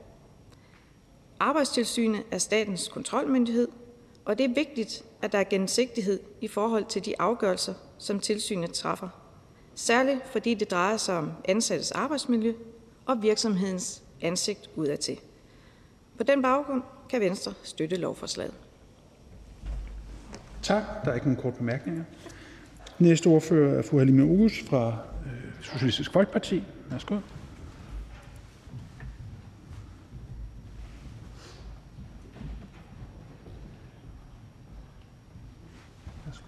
Tak for det. Jeg vil starte med at sige tak til regeringen for at fremsætte dette lovforslag, som følger op på Arbejdsmiljørådets forslag og anbefaling. Formålet med lovforslaget er at erstatte den nuværende smiley-ordning med en ny faktabaseret visningsordning, som vil komme til at omfatte alle virksomheder. Det er rigtig fornuftigt, da den nuværende smiley-ordning ikke lever tilstrækkeligt op til sit formål om at synliggøre virksomheders arbejdsmiljø, og dertil, øh, dertil motivere danske virksomheder til at arbejde for en høj standard inden for arbejdsmiljø. Tværtimod har der desværre været mange misforståelser omkring den grønne smiley, hvor man tit har fået et forkert billede af, at arbejdsmiljøet på en virksomhed er rigtig godt, men hvor det senere viser sig, at det er det bestemt ikke. Vi mener, at det er helt rigtigt at ændre i proceduren for offentliggørelse af oplysningerne om virksomheders arbejdsmiljø, så der skabes større gennemsigtighed af arbejdstilsynets tilsyn og afgørelser, så interesserede i offentligheden har mulighed for at få belyst, hvordan det står til med arbejdsmiljøet. Lovforslaget er med til at skabe en mere transparent og bedre ordning, og derfor bakker vi i SF selvfølgelig op om lovforslaget. Tak. Mange tak til SF's ordfører. Der er ikke nogen kort bemærkninger. Tak for det. Næste ordfører det er fru Samia Nærmer Venstre. Værsgo. Mange tak.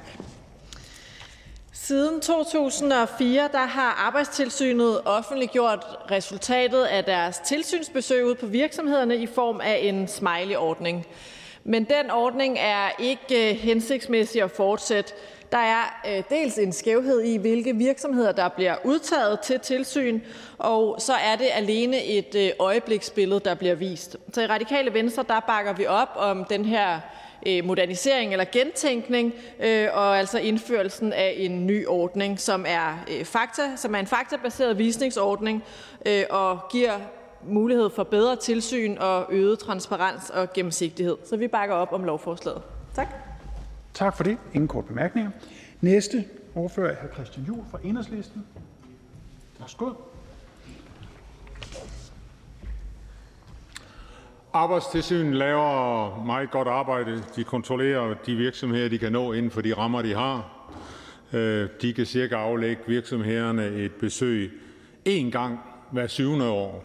Og der kan man næsten regne ud, at der er ret mange Øh, dårlige ting, som øh, smutter der, og derfor er det jo godt, at vi på virksomhederne også har en arbejdsmiljøorganisation. Øh, desværre så er det kun halvdelen af de virksomheder, der skal have en arbejdsmiljørepræsentant, som har en, og mange af de arbejdsmiljørepræsentanter de får ikke adgang til en ordentlig uddannelse. Så vi har et arbejdsmiljø, som øh, er dårligere, end vi må sige, at arbejderne i Danmark fortjener. Der skulle meget mere kontrol, der skulle meget bedre arbejde i det daglige med arbejdsmiljøet øh, være derude, og arbejdsmiljørepræsentanten skulle have meget, meget bedre vilkår for at kunne løse problemerne for sine kollegaer. Det er en skandale, at vi har 60.000 arbejdsskader om året. 60.000. Hver eneste år er der mennesker, der kommer galt af sted og har sygedage og nogle gange får varige skader på helbredet, og desværre også i nogle tilfælde dør af at gå på arbejde. Det er ikke acceptabelt. Og øh, for mange år siden, da man indførte den her smiley-ordning, det betyder, at man kan, man kan få et, et såkaldt smiley-symbol inde på hjemmesiden.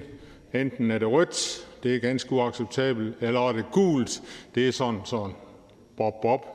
Øh, det skal I vist gøre noget ved. Og så er det den grønne. Og så blev der indført en ganske mærkelig ting, nemlig en kronesmiley. Det betød, at man tilhørte eliten. Det var der cirka 4.000 danske virksomheder, der kom til at tilhøre, indtil, og det skal jeg understrege og sige, og dermed kørte arbejdstilsynet forbi den virksomhed, fordi de kunne jo klare det hele selv. Indtil vi fik en undersøgelse, der viste, at gennemsnit arbejdsmiljøniveauet for de 4.000 virksomheder med kronesmiley, som skulle tilhøre eliten, den var dårligere end gennemsnit af dem, der lå nede i de almindelige smiley-ordninger. Det vil sige, at eliten lavede et dårligt arbejdsmiljøarbejde og havde et dårligere arbejdsmiljø end de andre. Og så kan alle jo se, så er det faktisk kontraproduktivt øh, at have en ordning, der friholder dem, der har det dårlige arbejdsmiljø. Derfor er det på høje tid, at vi får af at få fjernet den ordning, der hedder smiley-ordningen. Den giver et ganske falsk billede, og øh, der er det vigtigt, at arbejdstilsynet kommer ud. Men med at vi stoppede den ordning, burde vi også sikre, at der var personale nok. Arbejdstilsynet laver et godt stykke arbejde med de folk, de har. De har rigtig gode folk, men de har alt, alt for få. Vi skal sørge for, at der kommer folk nok i Arbejdstilsynet, så det er deres arbejde, der gør, om der sker forandringer, når det er rigtig galt. Og så det er deres øh, besøg, der gør, at der bliver grebet ind. Det sker ikke i nok tilfælde i dag, og der er alt, alt for mange, der sjusker med arbejdsmiljøet og er ligeglade med de ansattes øh, liv og arbejdsforhold, og det skal vi have stoppet, og derfor skal vi have fundet flere penge. Desværre er det også sådan, at i øjeblikket når vi går ud af det her år, så tror jeg, det er op mod 40 procent, der bliver skåret på arbejdstilsynet. En fuldstændig uholdbar situation, hvor vi har sagt til ministeren, kan vi få en plan for, at vi i hvert fald ikke mister folk i arbejdstilsynet, men at vi faktisk får dem op igen. Fordi at de overfladiske ting med smileyordninger, det kan ikke bruges til noget. Det er den konkrete tilsynsordning, hvor det er mennesker, der kommer ud og kontrollerer det, der dur til noget. Og tænk, hvis den skal skæres ned med en med 40 procent øh, her til 1. januar. Hvis ikke vi får ændret på det og giver signaler klart om, at selvfølgelig skal arbejdstilsynets bemanding forbedres, ja, så rejser, og jeg frygter, så rejser de gode folk selvfølgelig ud og finder sig et andet arbejde, fordi de risikerer til nytår at blive arbejdsløse. Så der er mange opgaver at tage fat på her, når nu vi snakker om smileyordningen, men jeg er glad for, at smileyordningen nu bliver fjernet. Det skulle den have blevet for mange, mange år siden, og vi er nogen, der har kritiseret den i alle årene, netop for at være misvisende og en forkert ordning. Tak for ordet. Tak. Der er en kort bemærkning fra hr. Lars Bøje Mathisen. Ja. Ja, det er bare, når ordføreren siger, at arbejdstilsynet skal tilføres flere penge, så er jeg nysgerrig. Var det et krav fra enhedslisten til finansloven? Ja, det var det. Øh, der er cirka 700 ansatte i arbejdstilsynet, og vores forslag var, at vi skulle op på 1000 i første omgang. Lige nu handler det ikke om om flere.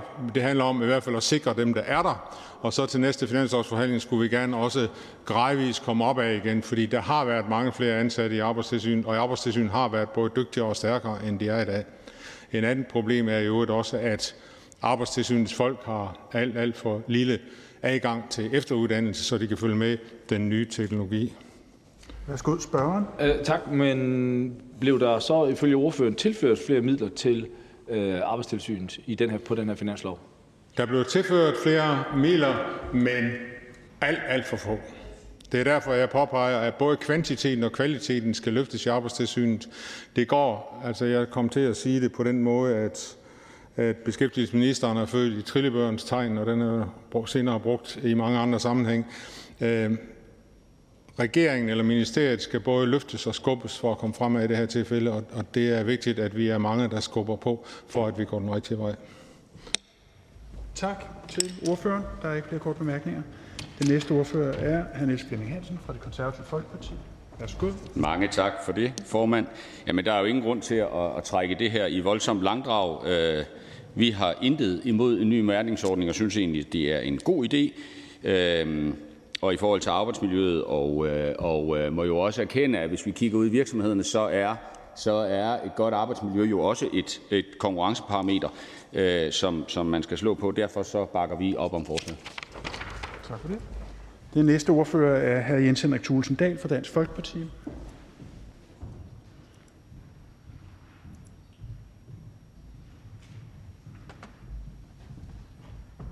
Værsgo.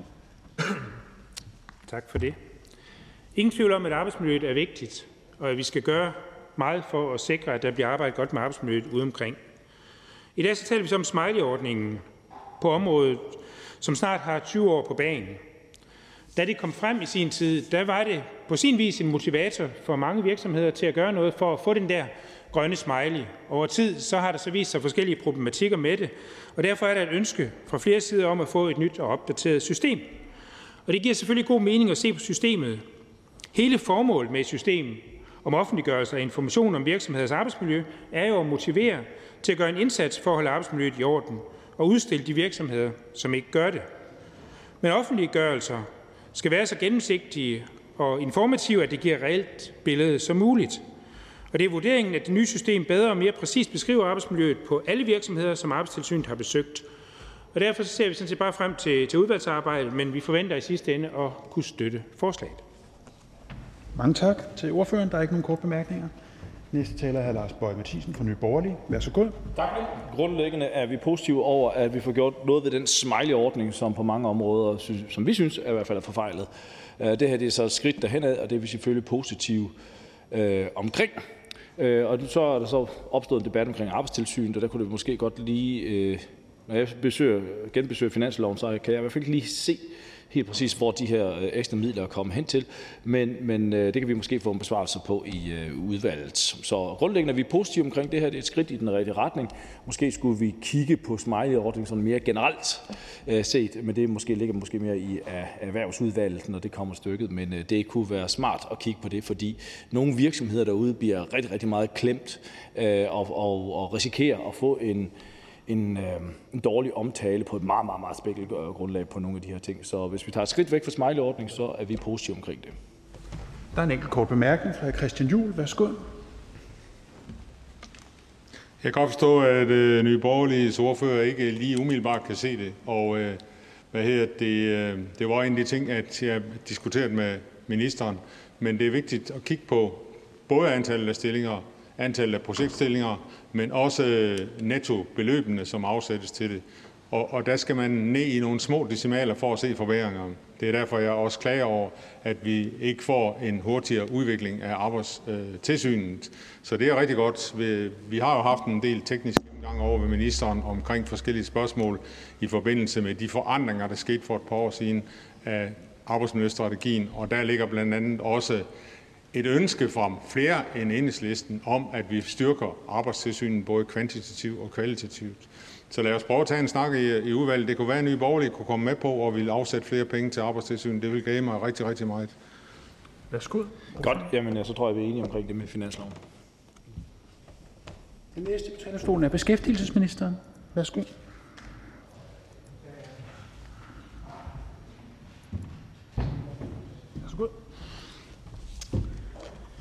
Mange tak for det, og også tak til ordførerne for deres indlæg ved denne her behandling. Lovforslaget, som øh, vi i dag har behandlet, handler jo om at erstatte Arbejdstilsynets nuværende smiley-ordning med en ny faktabaseret visningsordning. Lovforslaget baserer sig på et forslag fra Arbejdsmiljørådet, og formålet med visningsordningen er at opnå øget gennemsigtighed i Arbejdstilsynets arbejde. Visningsordningen skal omfatte alle virksomheder, der får besøg af Arbejdstilsynet, og vil vise Arbejdstilsynets tilsyn og afgørelser til den enkelte virksomhed. Visningsordningen skal dertil medvirke til at understøtte arbejdsmiljøindsatsen og det forebyggende arbejdsmiljøarbejde, samt at virksomhederne motiveres til at handle på afgørelser fra Arbejdstilsynet. Dermed skal det bidrage til at understøtte regeringens ønske om et sikkert og sundt arbejdsmiljø på de danske arbejdspladser. Med det vil jeg gerne takke for jeres bemærkninger til lovforslaget, og jeg ser frem til en god og konstruktiv behandling af forslaget i Beskæftigelsesudvalget. Tak. Der er en kort bemærkning fra hr. Christian Juhl. Jamen, øh, jeg er rigtig glad ved, at ministeren har taget det her initiativ. Øh, jeg er enig med dem, der siger, at øh, et rødt, et gult og et grønt lys, det, det hører til i trafikkryds. Og der er kun én ting, det er, skal man holde tilbage, eller skal man køre frem? Arbejdsmiljøet er mere kompliceret end at holde tilbage i et, trafik, eller i et kryds i trafikken. Øhm, og derfor er det godt, at vi får et mere retvisende øh, billede af, hvorfor nogen, der er banditter i arbejdsmiljøet, og hvorfor nogen, der gør det ordentligt. Øh, og hvorfor nogen, der har brug for hjælp. Sådan plejer vi at dele op i tre kategorier. Og derfor skal vi have meget mere ord på, når vi skal øh, kunne agere og se, hvor det er, vi skal sætte ind. Jeg vil gerne spørge ministeren, hvad der er grunden til, at det skulle tage så lang tid. Det er jo flere år siden, vi fik den rapport, der viste, at kronesmiley-ordningen var direkte misvisende og rent faktisk viste, at eliten inden for arbejdsmiljøet i gennemsnit var ringere end resten af virksomhederne. Hvorfor skulle det tage så lang tid? Kunne vi ikke få en, en praksis i vores ændringer af arbejdsmiljøreglerne, som gjorde, at vi relativt hurtigt kunne rette op på fejl og mangler? Værsgo. Jamen, altså, jeg tror, øh, øh, at, den korte forklaring, altså, vi har jo givet, ligesom vi gør på en lang række spørgsmål, for så vidt angår arbejdsmiljøet, har vi jo givet Arbejdsmiljørådet den opgave at, øh, at bidrage med en, en, en faglig indstilling, og forhåbentlig også en faglig indstilling, som er øh, partsdiskuteret, og der er parts enighed om. Øh, det synes vi er et godt værktøj, når vi skal lave ændringer, ikke bare på arbejdsmiljøområdet, men på en lang række andre områder øh, på arbejdsmarkedet, fordi det så afspejler de forskellige øh, hensyn og forskelle og de nuancer, der er set med arbejdstagerøjne og arbejdsgiverøjne. Og, øh, og der må man jo så også bare erkende, at det har taget noget tid fra for Arbejdsmiljørådet at nå frem til en fælles indstilling. Værsgo, spørgeren. Jamen, jeg kan godt forstå, at det tager lang tid for Arbejdsmiljørådet, hvis nu det drejer sig om noget meget kompliceret, f.eks. psykisk arbejdsmiljø, som vi har diskuteret et helt år, før vi fik en, øh, en, en særlig bekendtgørelse om psykisk arbejdsmiljø. Fordi der er, det er nyt, og det er kompliceret. Jeg kan forstå det, hvis det drejer sig om nye kemiske stoffer og stoffer og produkter, der indvirker på hinanden. Det er også ret kompliceret. Og selvfølgelig skal man da have eksperter ind, og man skal vurdere, hvordan, hvordan beskytter man sig bedst i arbejdsmiljøet. Men så simpel en ting som smileyordningen, som jo fylder nogle få linjer, hvad er grunden til, at man kan sidde og nusse med det i flere år, før man kommer frem til den her, som alle jo ved, at vi er nødt til at beslutte, at det dur ikke med den gamle smileyordning? Værsgo. Altså, jeg tror øh, først og fremmest, så er det jo klart, at arbejdet har jo nok også i en eller anden udstrækning været forsinket af, at der er en global pandemi, der har hævet. Øh, der er flere forløb, også i Arbejdsmiljørådet, som jo er blevet forsinket af den årsag. Og det andet er, selvom at, at nu hvor vi står med, med indstillingen og derved også udkastet til lovændringer, så kan det jo godt se simpelt ud. Men, men at de øh, referater, jeg har fået, så har det jo ikke været helt enkelt for parterne at nå til enighed om, hvad man præcis skulle anbefale. Tak. Der er ikke flere, der har bedt om ordet, og da der ikke er det, så er forhandlingen sluttet. Jeg foreslår, at øh, lovforslaget henvises til Beskæftigelsesudvalget, og hvis ingen gør indsigelse, så betragter jeg dette som vedtaget. Det er vedtaget. Det næste punkt på dagsordenen det er første behandling af lovforslag nummer L 139. Det er et forslag til lov om ændring af lov om specialpædagogisk støtte ved videregående uddannelser. Det er uddannelses- og forskningsministeren. Forhandlingen er åbnet, og den første ordfører er hr. Bjørn Brandenborg fra Socialdemokraterne, som er hastigt på vej. Værsgo. Tak for det, og tak for ordet. Lovforslaget her det skal sikre, at øh, den nuværende, øh, den nugældende midlertidige ordning, som udløber den 1. juli 2022, at den gøres øh, permanent. Det betyder i praksis, at uddannelsessøgende med funktionsnedsættelse, at de kan få socialpædagogisk støtte uden SPS lovens hidtidige begrænsninger i forhold til støtteramme, støttetid og maksimal forsinkelse. Det er sund fornuft at uddannelsessøgende de kan få støtte igennem hele uddannelsen, uden at være begrænset af rigide regler i loven. Det sikrer, at uddannelsessøgende med funktionsnedsættelse kan gennemføre deres uddannelse på lige fod med andre øh, uddannelsessøgende, funktionsnedsat eller ej. Jeg tror samtidig, det vil skabe stor tryghed for den enkelte, at ordningen ikke længere er midlertidig, men at loven permanent ændres. Samlet set er det en fornuftig løsning på den midlertidige ordnings udløb, som vi er glade for, at øh, der jo ligner og tegner sig til at være bred opbakning til her i Folketinget. Så Socialdemokratiet de støtter selvfølgelig op om forslaget. Tak til den socialdemokratiske ordfører. Ingen korte bemærkninger. Næste ordfører er fru Astrid Karø fra SF.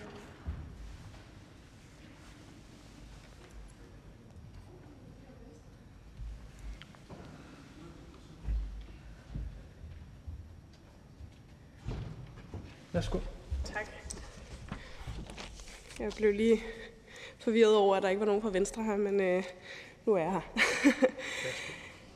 øhm, som den socialdemokratiske ordfører sagde, så er lovforslaget, vi behandler her, jo noget, der burde være en selvfølge. At man som studerende kan modtage SBS uden begrænsninger i støtteramme, støttetid og maksimal forsinkelse. Så studerende med funktionsnedsættelser kan gennemføre deres uddannelse på lige fod med andre studerende. For denne gruppe af studerende er det en uundværlig ordning, som har afgørende betydning for, at den studerende har ro og overskud til at fokusere på studiearbejdet, og ikke mindst muligheden for at gennemføre uddannelsen. Sådan har loven ikke været indrettet, og derfor var det godt med hastebehandlingen, og det er godt med den permanente ændring nu. Men det giver mig også anledning til at sige, at vi i SF ikke mener, at vi er i mål med at understøtte studerende med funktionsnedsættelser.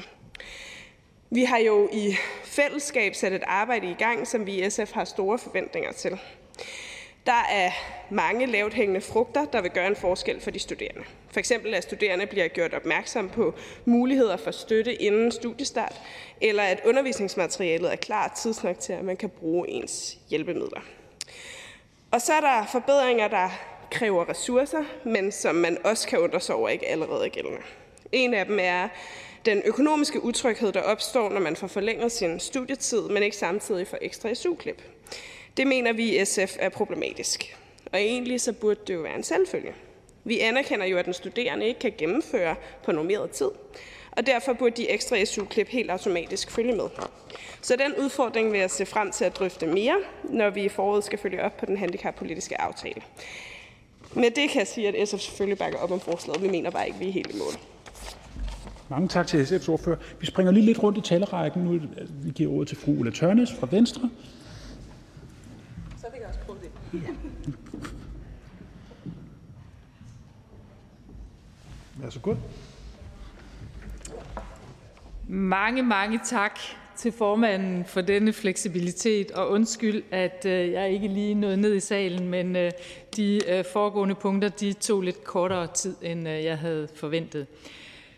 Se, da vi i øh, maj-juni måned sidste år behandlede en midlertidig øh, løsning på SPS-lovgivningen, der tror jeg nok, at jeg var så bramfri, at øh, jeg kaldte øh, den oprydning, som øh, lovforslaget var udtryk for, en oprydning i noget gevaldigt rod. Inden vi fandt frem til den midlertidige løsning, øh, blev den lovmæssige situation omkring SPS beskrevet således, at reglerne ikke var blevet efterlevet, at reglerne var utilstrækkelige, og at reglerne skulle laves om midlertidigt. Derfor er det også glædeligt, at vi nu med det lovforslag, som vi har behandling her, til behandling her, øh, i fuld enighed er nået frem til en permanentgørelse af den midlertidige løsning, som vi gennemførte sidste år. Det er gode nyheder, synes jeg, for de studerende med funktionsnedsættelse, at de heller ikke efter 1. juli i år risikerer at miste SPS til dele af deres uddannelsesperiode på grund af reglerne om støtteramme, støttetid og maksimum forsinkelse i SPS-loven. Stor ros til ministeren for det, og øh, vi støtter selvfølgelig en permanentgørelse. Vi ønsker ikke at skabe nogen som helst form for usikkerhed for studerende, der i dag modtager SPS. Vi ønsker ikke at administrere i blinde. Vi ønsker tværtimod at etablere et retmæssigt og nødvendigt lovgrundlag, så der ikke er tvivl om, hvem der er berettiget til at modtage socialpædagogisk støtte under en videregående uddannelse. Venstre kan støtte lovforslaget. Tak. Mange tak. Der er ikke nogen korte bemærkninger. Den næste ordfører er fru Katrine Robsø, og så vil derefter tilbage i den normale talerrække. Så. Værsgo. Tak skal du have. Øh, ja, som der er blevet sagt, det her lovforslag retter jo egentlig op på en fejl, tror jeg godt vi kan kalde det, i den tidligere lovgivning, som vi lavede en midlertidig dispensation for før sommerferien. Det er kun på sin plads, at vi nu får det permanent gjort, så studerende med funktionsnedsættelser rent faktisk får sikkerhed om, hvilken støtte de kan få, og at den ikke forsvinder. Så derfor støtter Radikale Venstre naturligvis øh, også lovforslaget her. Som ordføreren øh, for SF også var inde på, så er der jo, har der jo været et orienteringsmøde nu omkring nogle ting på, øh, på, på området med studerende med funktionsnedsættelser, og hvilke tiltag vi kan gøre for rent faktisk at sørge for, at vi får flere med på uddannelsesvognen, og at vi sørger for, at flere får lov til at, at, at få opfyldt deres drømme og øh, tage den uddannelse, de ønsker. Øhm, men der er jo ikke indkaldt til deciderede forhandlinger endnu, og det ser vi i hvert fald meget frem til, at vi rent faktisk får rykket på nogle af de forslag, der er, øh, som ovenikøbet en del forslag, som ikke engang koster en hel masse, men hvor vi kan gøre noget for, at, øh, at flere kan komme med og øh, få gavn af øh, vores uddannelsessystem. Det er både til gavn for vores samfund, og det er i høj grad også til gavn for den enkelte. Så øh, med de ord vil jeg bare sige, at Radikal Venstre naturligvis støtter lovforslaget og øh, ser meget frem til de forhandlinger, der skal øh, finde sted. Tak for Tak for det, og der er ikke nogen korte bemærkninger, så vi siger tak til øh, ordføreren. Og så kigger jeg lige ud i salen, om der er en fra Enhedslisten. Øh, det er der ikke. Så er der Konservative Folkeparti. Og så går vi videre til Dansk Folkeparti, og det er hr. Jens Henrik Thulesen Dahl.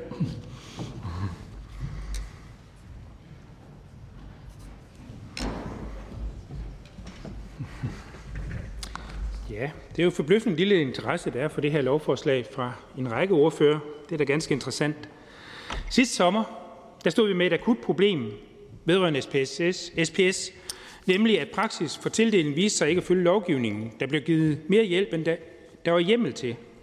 Derfor gennemførte vi i bred enighed en hastelov, som gav hjemmel til den, at videreføre den praksis, og så skulle der efterfølgende komme en reel ny lov. Under behandlingen her i salen sagde den daværende minister følgende. Så giver vi så også håndslag på, at når den midlertidige lovhjemmel så udløber, så sætter vi os politisk sammen og finder en varig løsning på den her ordning. Og ja, det er da min indstilling, vi tager udgangspunkt i det, der er gældende i dag, men jeg vil nødig foregribe de samlede forhandlinger og de samlede drøftelser om det. For jeg kan også høre, at der er forskellige ordfører, som gerne vil bære andre ting ind og have en bredere drøftelse af det, og det synes jeg, der skal være plads til. Der forsøgte jeg så i da vi i oktober fik et notat om de her påtænkte lovændringer, så skrev jeg til ministeren for at være sikker på, at øh, vi fik den der bredere drøftelse om SPS-ordningen, før vi skulle stå her i dag øh, og forhandle. Og til det svarede ministeren, enkelte af jer har bemærket i samtidig med jeres opbakning ønsker at være sikre på, at der også bliver mulighed for at drøfte andre forhold ved SPS-ordningen, der potentielt også vil kræve en ny lovændring. Og så kan jeg jo bare undre mig over, Øh, vi egentlig, det er rigtigt, at der er sat gang i nogle drøftelser om området, og det er rigtig, rigtig godt, fordi der er mange parametre i det her, men at vi ikke har de drøftelser i forhold til SPS, før vi skal vedtage øh, den her lovgivning. I januar der spurgte jeg ministeren her i salen i spørgetiden, øh, om man vil leve op til den forrige ministers udsagn. Øh, og der sagde den nuværende minister faktisk, jeg vil sige sådan, at jeg meget gerne går i dialog med ordførerne, hvis der er nogle konkrete forhold ved ordningen, som man mener skal forbedres. Der bliver en mulighed i februar i forbindelse med opfølgningen på den handicappolitiske aftale, hvor vi konkret også kan tage emner op, der er relation til emnet her. Det kan vi sagtens. Jeg vil også bare minde om, at jeg i forbindelse med tilkendegivelse om fremsættelse af permanentgørelsen af det, vi er enige om, at på vej gør klart, at det ikke er udelukket, at vi kan tage videre drøftelser om det. Der forsøgte jeg så også at få ministerens svar på, om vi så ikke i det mindste kunne blive enige om, at når vi nu laver de her ændringer, så kunne vi sikre, at de studerende kunne få den her hjælp fra den første dag, de startede på studiet. Og ministeren svarede mig, at jeg er klar over, at det er en af de ting, der også har været diskussion om, og lad os tage en drøftelse af det også. Og derfor vil jeg bare nu her i forbindelse med førstebehandlingen opfordre til, at vi så i forbindelse med udvalgsbehandlingen kan få en drøftelse af, hvordan vi kan sikre, at det faktisk bliver en reel mulighed for studerende at, og en sikkerhed for de studerende, at de, når de starter på et studie, også kan få den her hjælp fra den første dag på studiet. Fordi det giver sig selv, at hvis man går uger, måneder på et studie uden at have adgang til øh, de rigtige hjælpemidler og den rigtige støtte, ja, så bliver det sværere. Og så er der nogen, der falder fra, og det er rigtig, rigtig ærgerligt, og det skal vi imødegå. Så det håber jeg, at vi kan måske få svar på allerede i dag, men ellers i hvert fald i forbindelse med øh, udvalgsarbejdet. For ellers så støtter vi selvfølgelig de forbedringer, der ligger i det nuværende lovforslag. Det er klart, og vi skal heller ikke bringe nogen tvivl hos studerende om, at det selvfølgelig bliver båret igennem. Men jeg håber, vi kan tage det andet. Og i opfølgning på det, så kan jeg jo se, at der jo også i kommentarerne til det her lovforslag står, at der ligger en parallel problemstilling i forhold til SU. Fordi nu bliver det sådan, at man faktisk jo kan få ret til SPS i en længere periode, man kan umiddelbart ret til SU. Og det er heller ikke betryggende for de studerende, der gerne skal være sikre på at kunne gennemføre deres studie med den nødvendige hjælp og den nødvendige SU. Så der vil jeg da gerne opfordre til, at vi får fat i, i den diskussion også, og får taget fat i, hvordan kan vi sikre, at studerende, der kan forventeligt skal bruge ekstra tid på deres studie, også har en ret til SU i den for dem normerede studietid. Tak for ordet. Tak for det. Og der er ikke nogen øh, korte mærkninger at tegne sig ind, så vi siger tak til øh, ordføreren. Og så går vi videre til Nye Borgerliges ordfører, og det er hr. Peter Seier Christensen. Tak.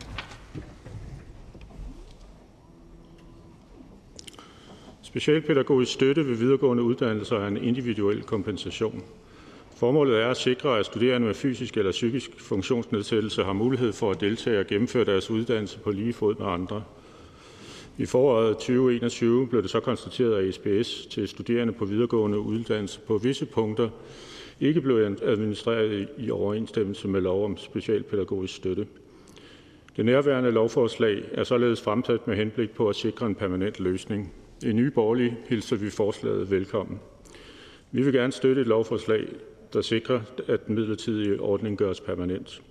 Således kan studerende med funktionsnedsættelse på de videregående uddannelser også efter øh, 1. Juli 2022 modtage SPS uden begrænsninger i form af støtteramme, støttetid og maksimal forsinkelse. Jeg og Nye Borgerlige vil gerne give alle mennesker med handicap en ensartet og god adgang til at tage en uddannelse. Samlet set er jeg overbevist om, at det vil blive billigere for samfundet at skabe et bedre system til at sørge for den rigtige hjælp til studerende med funktionsnedsættende handicap. Det kan ende med en win-win, hvor både det enkelte menneske med funktionsnedsættelse, de pårørende og resten af samfundet får noget godt ud af det. Og Nye Borgerlige kan dermed udtrykke sin opbakning til L 139. Tak for det. Og der er ikke nogen korte bemærkninger. Vi siger tak til øh, ordføreren. Og så kigger jeg lige ud i salen efter Liberal Alliance. Der er ikke nogen. Frie Grønne kan heller ikke. Øh, KD kan heller ikke. Og ja, og det skulle jeg lige til at sige, at øh, så udviser vi øh, ekstra fleksibilitet, da konservative ordfører kom til stede, og vi giver ordet til øh, fru Gitte Willumsen. Værsgo.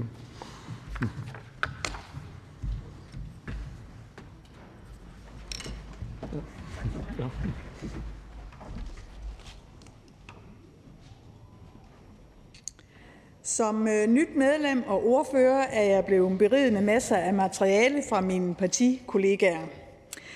Og øh, der var store bunker papir, der blev overdraget. De sidste bunker, dem var jeg igennem i aftes, og der dukkede en fin lille tryksag frem.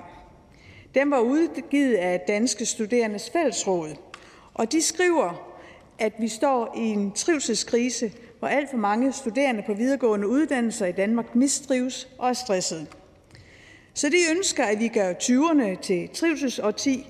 Det synes jeg er en super ambition. Med L 139 kommer vi et skridt tættere på den ambition.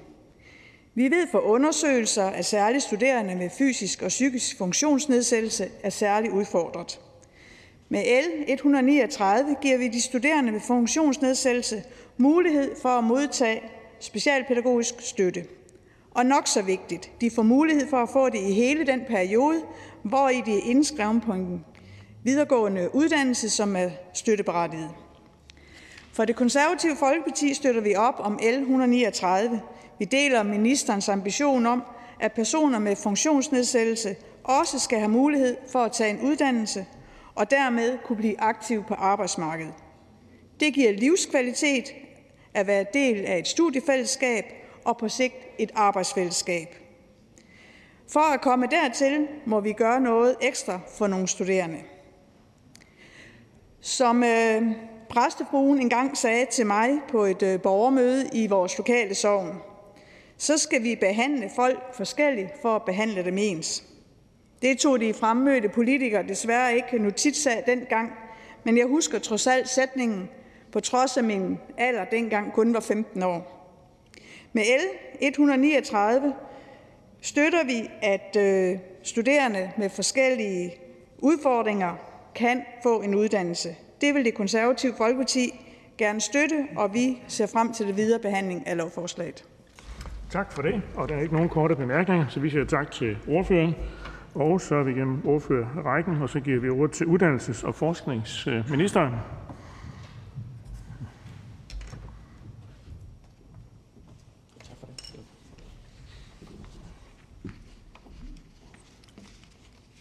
Tak for det, og øh, tak for den øh, brede opbakning øh, til, at vi nu med det her lovforslag kan gøre den midlertidige ordning for specialpædagogisk støtte, også kaldet SPS, øh, til uddannelsessøgende på de videregående uddannelser permanent. Jeg havde også ventet det, fordi vi selvfølgelig har talt sammen på forhånd, og jeg ved, at vi er enige om, om den her problemstilling. Øhm, så som det er fremgået, så vedtog et bredt flertal i Folketinget i juni sidste år et hastelovforslag om en midlertidig ændring af lov om specialpædagogisk støtte til videregående uddannelser. Det var en lovændring, der skabte mulighed for i en midlertidig periode frem til 1. juli 2022 at fravige reglerne om støtteramme, støttetid og maksimal forsinkelse som betingelse for at modtage SPS på de videregående uddannelser. Dermed sikrede Folketinget, at uddannelsessøgende med funktionsnedsættelser kunne gennemgå og afslutte deres videregående uddannelse med den nødvendige støtte og uden at være begrænset af, hvor længe de allerede havde modtaget støtte. Og det kom, som det også har været nævnt for flere, jo oven på øh, problemer med øh, forvaltningen og lovgrundlaget øh, på det område forud øh, for. Øh, med det her lovforslag sikrer vi, at de uddannelsessøgende også efter den 1. juli 2022, hvor den midlertidige lov jo altså gælder til, kan få SPS og få den støtte under hele deres uddannelse. Muligheden for at få støtte vil fremover ikke være begrænset af, hvor længe den uddannelsessøgende har modtaget støtte, eller om den uddannelsessøgende er forsinket på sin uddannelse. Det er vigtigt for de uddannelsessøgende, så de kan gennemføre deres uddannelse på lige fod øh, med andre. Øhm, derudover giver vi med det her lovforslag mulighed for, at uddannelsessøgende, der går på et adgangskursus til visse videregående uddannelser, også kan få SPS-støtte til øh, disse kurser. Så øh, tak for ordet og, og bemærkningerne. Øhm, jeg ved ikke, om der dukker nogle spørgsmål op til den, den proces, der også ellers har givet nogle øh, kommentarer på, øh, men ellers bare den, den korte, at, at ud over lovforslaget her, som jeg ser frem til den videre behandling af, øhm, og det er jo det, vi egentlig skal diskutere i dag, det fornemmer jeg kan gå sådan rimelig stærkt, der er en meget bred tilslutning til det, går også ud fra, at der er det fra de partier, der ikke er til stede i salen i dag.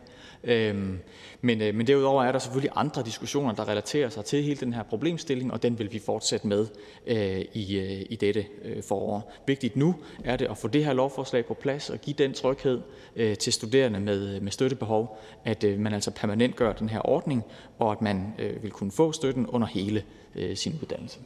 Tak for ordet. Tak for det. Og der er en kort bemærkning fra her, Jens Henrik Tusinddel. Det andet ja. mig. Tak for det. Jamen, jeg bliver jo nødt til lige at, at spørge, om ministeren ikke godt kan anerkende, at der jo er en udfordring i dag med, at mange af de studerende med handicap ikke har mulighed for at have den her SPS-hjælp fra dag 1 på studiet. Og hvis ministeren vil anerkende det, hvad vil ministeren så gøre for, at vi kan sikre, og jeg mener, det hører sammen med den her lov, at vi kan sikre, at det faktisk bliver en reel mulighed. Det vil måske kræve, at man kan søge, før man søger optag på en uddannelse, og før man ved, hvad for en uddannelse man skal ind på. Men hvad det end skal til, vil ministeren så være indstillet på, at vi gør, hvad der er nødvendigt, for at de studerende fra dag 1 kan have de nødvendige hjælpemidler? Ministeren? Altså rent til det, til det formelle først vil jeg sige, at, øh, at jeg mener ikke, det har en relation til den her lov. Altså den her lov handler om at permanentgøre øh, den ordning, der er nu, hvor man er sikker på at kunne få støtte under øh, sin studietid hele vejen igennem, også hvis den øh, varer lang tid eller længere end det er gængst. Øhm, og, og det synes jeg er vigtigt at få, at få på plads, og, og vil anmode om, at man altså får det igennem Folketinget og givet den tryghed, uden at det skal blokeres af andre relevante diskussioner. Øhm, og en diskussion som den, øh, Hans Christian Tulsendal er inde på her, er jo så noget af det, øh, Jens Henrik undskyld, Tulsendal er inde på her, øh, er, jo, er jo noget af det, jeg er helt overbevist om, vi kommer til at have i de, i de drøftelser, vi kommer til at have her hen over foråret øh, om øh, hele øh, det handicappolitiske område og, og hele det område omkring støttebehov øh, for forskellige studerende øh, med forskellige udfordringer. Øh, og, øh, og jeg er enig i, at det, at det for mange opleves som en, øh, som en udfordring. Det har ordføreren været flittig til at referere for mig. Jeg har også mødt det selv.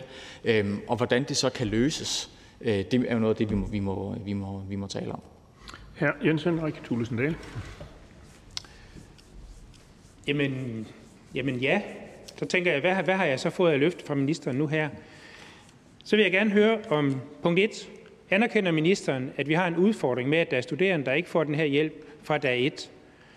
Og vil ministeren påtage sig som en opgave, vi skal løse og sikre, at studerende får muligheden for at få den her hjælp fra dag 1 på studiet? Ministeren? Altså, jeg vil sige, det, øh, det åbenlyse, den åbenlyse udfordring ved det øh, er selvfølgelig dels for, for den studerende, øh, som har behov for at have den her støtte, at man også modtager den hurtigt. Øh, derfor har jeg også fokus på behandlingstiden, altså sagsbehandlingstiden, som, som gennemgående er øh, lavere inden for de målsætninger, der er for den, men som vi selvfølgelig hele tiden bør sikre er så kort øh, som overhovedet muligt.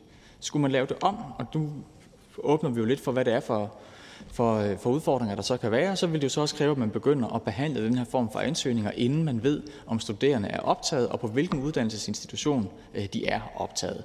Om vi kan finde en god løsning på det, hvad det vil kræve af administrative tiltag osv., det er noget af det, vi så må, øh, må diskutere sammen, og den diskussion tager jeg gerne.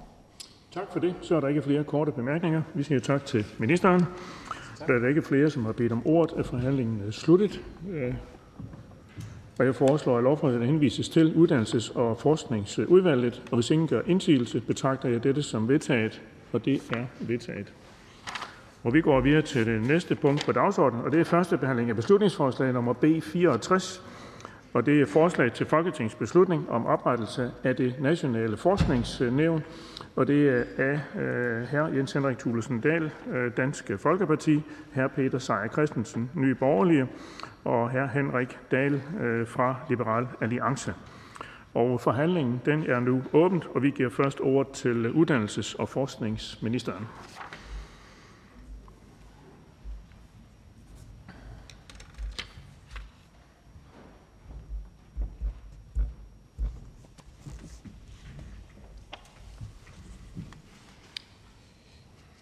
Først en tak til øh, forslagsstillerne for med beslutningsforslaget at sætte fokus på et helt centralt spørgsmål, nemlig vigtigheden af troværdighed og integritet i dansk forskning.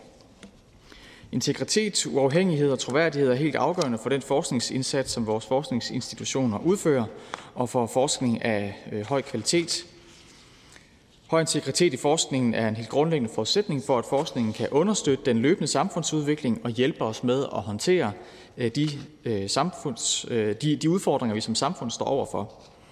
Og integritet i forskningen spiller også en helt central rolle, når det kommer til forskningens troværdighed og legitimitet i befolkningen, og dermed også legitimitet om de store bevillinger, der gives til området.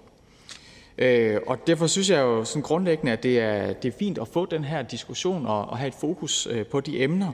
Og det vil jeg også godt lige have sagt til indledning, når jeg så i øvrigt vil argumentere for, hvorfor jeg ikke synes, forslaget er en god idé øh, og, vil, og vil øh, tale imod det. Men selve det at, at have den diskussion og det, øh, og det fokus, det synes jeg absolut er, er på sin plads, og det er sundt, at vi med mellemrum øh, besøger den øh, debat. Hvordan understøtter vi så integritet og troværdighed bedst? Øh, som sagt mener jeg ikke det med forslaget her, øh, fordi det samlet set ligger op til en centralisering. Alle tilfælde, hvor der er mistanke om brud på ansvarlig forskningspraksis, øh, skal efter forslaget anmeldes til et nyt centralt organ, det Nationale Forskningsnævn, som også får ansvaret for at vurdere sagerne og træffe afgørelse. Det gælder alle sager, både sager om tvivlsom forskningspraksis øhm, og sager om decideret videnskabelig uredelighed, hvor vi er over i, i en øget alvor, Øh, al, alvorlighed. Øh, nævnet skal også komme med anbefalinger til de forskningsfelter, hvor der måtte være særlige udfordringer i forhold til forskningsintegritet. Jeg mener ikke, at vi løfter integriteten og troværdigheden i dansk forskning gennem centralisering og afkobling fra forskningsmiljøerne. Samtidig vil forslaget efter min opfattelse medføre, at vi opbygger øget og unødvendigt byråkrati. Derfor kan regeringen ikke støtte beslutningsforslaget. Jeg synes, det er vigtigt, at det er forskningsmiljøerne, der skal sikre den løbende videnskabelige udvikling. Og det er også forskningsmiljøerne, som i deres daglige virke har til opgave at sikre en ansvarlig forskningspraksis, præget af høj integritet og høj troværdighed. Derfor har universiteterne som en af deres centrale pligter at værne om forskningsfriheden og videnskabsetikken og i øvrigt at sikre en ansvarlig forskningspraksis. Vi har en tidligere meget omtalt øh, vedtagelsestekst her i Folketingssalen også lagt øh, stor vægt på den akademiske selvregulering, som vi udtrykte på det tidspunkt i den vedtagelse. Øhm, den skal have rum til at virke, og den tiltro, der er til det i den vedtagelsestekst, synes jeg egentlig burde gå igen hos forslagstillerne bag øh, forslaget her. Og når der så sker brud på ansvarlig forskningspraksis, så mener jeg, at vi i dag har et både solidt og effektivt system til at håndtere de enkelte tilfælde. De nuværende regler flugter tæt med anbefalingerne fra det ekspertudvalg om videnskabelig uredelighed, der afgav anbefalinger i 2015, og som i øvrigt blev gennemført af den tidligere borgerlige regering med Søren Pind som uddannelses- og forskningsminister og vedtaget af alle Folketingets partier, herunder også Dansk Folkeparti og Liberal Alliance, som jo er blandt forslagstillerne til beslutningsforslaget i dag. Søren Pind fremhævede i sin tale ved første behandling af det oprindelige lovforslag blandt andet øh, følgende, som jeg godt vil citere fra. Ansvaret for den konkrete håndtering ligger bedst hos institutionerne, og der er derfor lagt op til, at det er institutionernes pligt at håndtere tilfælde af tvivlsom forskningspraksis. Fordelingen af ansvaret skal for det første bidrage til et øget fokus på ansvarlig forskningspraksis på de enkelte institutioner. Dernæst vil forslaget føre til en mere effektiv behandling af sager om egentlig videnskabelig uredelighed i det centrale nævn. Har slutter citatet, øh, men jeg synes egentlig, det kunne sikkert sagtens være fortsat. Det er en vurdering, jeg deler Øh, som hr. Søren Pind havde dengang. Og jeg vurderer, at den centrale anmeldelse og behandling af alle tilfælde af tvivlsom forskningspraksis og videnskabelig uredelighed vil svække det samlede arbejde for god forskningspraksis, og samtidig medføre et unødvendigt byråkratisk setup med risiko for lange sagsbehandlingstider øh, i sager, der jo kan være øh, ganske vigtige at få afklaret øh, så hurtigt øh, som muligt. Den nuværende lokale behandling af sager om tvivlsom forskningspraksis sikrer den vigtige kobling til det relevante forskningsfaglige miljø og det lokale arbejde med forskningsintegritet i det daglige. Og den nuværende øh, lokale screening af sager om egentlig videnskabelig uredelighed understøtter, at Nævnet for Videnskabelig Uredelighed modtager veloplyste og relevante sager, øh, og altså kan gå direkte til behandling af det, som de egentlig er, øh, er sat i verden for. Jeg forventer, at universiteterne løfter det vigtige ansvar, de har i forhold til sager om brud på ansvarlig forskningspraksis. Ligesom jeg har en klar forventning om, at universiteterne tager deres, tager deres lovbestemte pligt til at værne om forskningsfriheden og videnskabsetikken øh, meget alvorligt. I øvrigt finder jeg det lidt specielt at antage, at universiteterne skulle undlade at fremme relevante sager om øh, brud på ansvarlig forskningspraksis. Øhm, vi skal ikke glemme, at et universitets omdømme herunder også internationalt, vil lide voldsom skade, hvis det kom frem, at et universitet direkte dækker over brud øh, på ansvarlig forskningspraksis. Regeringen kan derfor som nævnt ikke øh, støtte forslaget, øh, men som jeg også sagde i min indledning, hilser jeg i høj grad debatten om vigtigheden af integritet og troværdighed i dansk forskning velkommen. Øhm, jeg kan også sige, at det er jo nogle år siden, at, øhm, at det her kodex på området, som alle har, har tilsluttet sig, Øh, at det også vil, vil gennemgå øh, ja, et arbejde med det i løbet af i år, hvor, hvor man altså også kan genbesøge nogle af de her pro, øh, problemstillinger og sørge for, at det kodex, der, øh, der frivilligt regulerer det her, kan man sige, øh, at det er øh, up to date og får taget højde om nogle øh, af de tilbagevendende ting, som vi selvfølgelig skal være opmærksom på øh, på det her område, når det gælder om at sikre øh, integriteten i, øh, i forskningen. Tak for ordet. Tak for det. Og der er en kort bemærkning fra hr. Jens Henrik Thulesen Dahl. Ja, tak for det. Nu taler ministeren om omdømme integritet, og samtidig, at man ikke ønsker en afkobling fra de enkelte forskningsmiljøer. Altså vores bekymring er jo sådan set, at når vurderingen af det her ligger ude i de enkelte forskningsmiljøer, så bliver der en risiko for, at man i det lokale miljø vurderer måske ikke så optimalt, som man burde vurdere. Det vi vil gerne vil med det her, det er faktisk, hvad vi normalt priser meget herinde, sikre en armslængde til dem, der skal vurdere, om et givet forskningsprojekt er i orden. Noget af den diskussion, vi har mange steder i samfundet i dag, det handler jo om en mistillid til, hvad er det for noget mærkelig forskning, der kommer? Hvorfor gør de det ene og gør de det andet? Og hvordan skal jeg så kunne have tillid til, at man, hvis man i den enkelte lille forskningskreds selv vurderer, om det her er i orden eller ej, der har vi brug for at få det løftet væk. Så derfor vil jeg gerne spørge ministeren, hvorfor støtter man ikke, at vi reelt får armslængde i de her sager? Ministeren? Når det handler om, om sager, der har at gøre med egentlig øh, videnskabelig øh, uredelighed, altså hvor vi er inde i noget, der er altså, ret alvorligt med plagiering, forfalskning osv., øh, så er der jo et, et centralt øh, nævn for det, men jo som altså modtager oplyste sager øh, fra de enkelte øh, institutioner. Øhm, og jeg synes på en måde, det er en mistillid til, at det system, altså at argumentationen her på en måde er en mistillid til hele øh, det system og hele den tradition, vi har for, at de enkelte øh, universiteter og forskningsmiljøerne øh, sørger for at rygte og holde øh, kvalitet, integritet, øh, faglighed omkring det at følge øh, videnskabsetik og sørge for, at man har en ordentlig integritet og, og kvalitet af forskningen i det daglige. Øh, det er klart i universiteternes øh, egen interesse, at, øh, at, de, øh, at de lever op til det. Og det er jo som sagt at følge en meget klar anbefaling fra ekspertudvalget om videnskabelig uredelighed, at de enkelte institutioner entydigt har øh, ansvaret og jo også pligten til at, øh, øh, ja, at sørge for, at der er en integritet og kvalitet i forskningen. Ja, Jens Henrik Thulesen Dahl. Det er meget vel at sige, men vi har også brug for at blive betrykket i, at det her foregår ordentligt. Jeg husker, fordi jeg sad herinde sammen med Esben Lund Larsen, da hans afhandling var under diskussion. Og der viste sig jo klart i det forløb, at afhængig af, om man var i det ene eller andet fakultet, så var der faktisk forskellige rammer og regler for, hvad der var ok og hvad der ikke var ok. Det gør det jo mærkeligt, når man sidder ude i samfundet og kigger ind på noget og siger, det her, er det virkelig ordentlig forskning? Og det giver der næsten sig selv, at hvis man i et mindre forskningsmiljø selv skal vurdere, om ting er i orden eller ej, jamen så bliver der nogle andre mekanismer. Så er det kollegaerne. Så vi har brug for den her armslængde og sikre, at der faktisk kommer et overordnet niveau. Og jeg forstår ikke, at ministeren... Ministerens parti støttede jo også V137 ja. for knap et år siden. Det ministeren. Ja, og den henviser jeg jo faktisk til, øh, den vedtagelse i, øh, i min tale her. Fordi den jo i høj grad lægger vægt på, at der skal ske en akademisk selvregulering. Og dermed ikke, at staten skal overtage øh, ansvaret for at gå ind og, øh, og vurdere forskning eller metoder. Det kan vi jo godt have en diskussion om. Øhm, men altså et centralt nævn for sager om egentlig videnskabelig uredelighed, og at man i de sådan mindre sager om mere tvivlsom forskningspraksis, at det har man ansvaret for lokalt. Det skal man ikke kunne skubbe fra sig. Og, og jeg synes heller ikke, at der er ført et godt bevis her for, at vi faktisk har det problem i dag, at de faggrupper, der er på tværs af fag, hvor det ikke bare er dine egne kolleger, men på tværs af faggrupper, at de ikke er i stand til i dag at, at vurdere det og sikre en integritet og kvalitet i forskningen. Tak for det. Så er der ikke flere korte bemærkninger. Tak til øh, ministeren.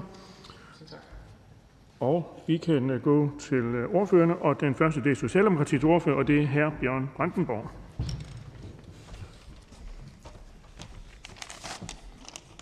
Tak for det, formand, øh, og tak for ordet, og tak til forslagsstillerne, eller forslagsstilleren. Jeg er ikke så mange af dem, der har stillet forslaget, der, der har til stede til debatten i dag. Det er selvfølgelig ærgerligt. Øh, men jeg vil sige, at i en tid med misinformation og øh, propaganda, så er det vigtigt, øh, så er forskning et vigtigt sted at finde fakta og evidens. Øh, og med de kriser, som vi står overfor nu, så tror jeg, alle kan se i vigtigheden af, at vi har forskning, der er i øh, verdensklasse. Derfor er jeg helt enig med forslagstillerne, når de understreger, at troværdighed og integritet i dansk forskning er vigtig. Når det er sagt, så har vi, som ministeren øh, også var inde på, allerede et effektivt system, som håndterer brud på ansvarlig forskningspraksis, så vi og omverdenen fortsat kan have tillid til forskningen i Danmark. Jeg ser derfor heller ikke nogen grund til at lave systemet øh, fundamentalt om. De nuværende regler for håndtering af sager flugter tæt med anbefalinger fra ekspertudvalget om videnskabelig øh, uredelighed, øh, og i virkeligheden også øh, på de diskussioner, som vi jo tidligere har haft her i, i Folketingssalen. Og jeg tror ikke, at en centralisering og øget byråkratisering af det nuværende system vil skabe bedre forskning, øh, måske snarere tværtimod. Vi støtter derfor ikke øh, beslutningsforslaget.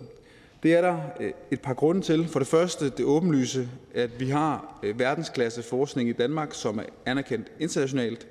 Den status den opnår man kun ved, øh, at forskere hver dag går på arbejde for at sikre øh, god og ansvarlig forskning og forskningspraksis.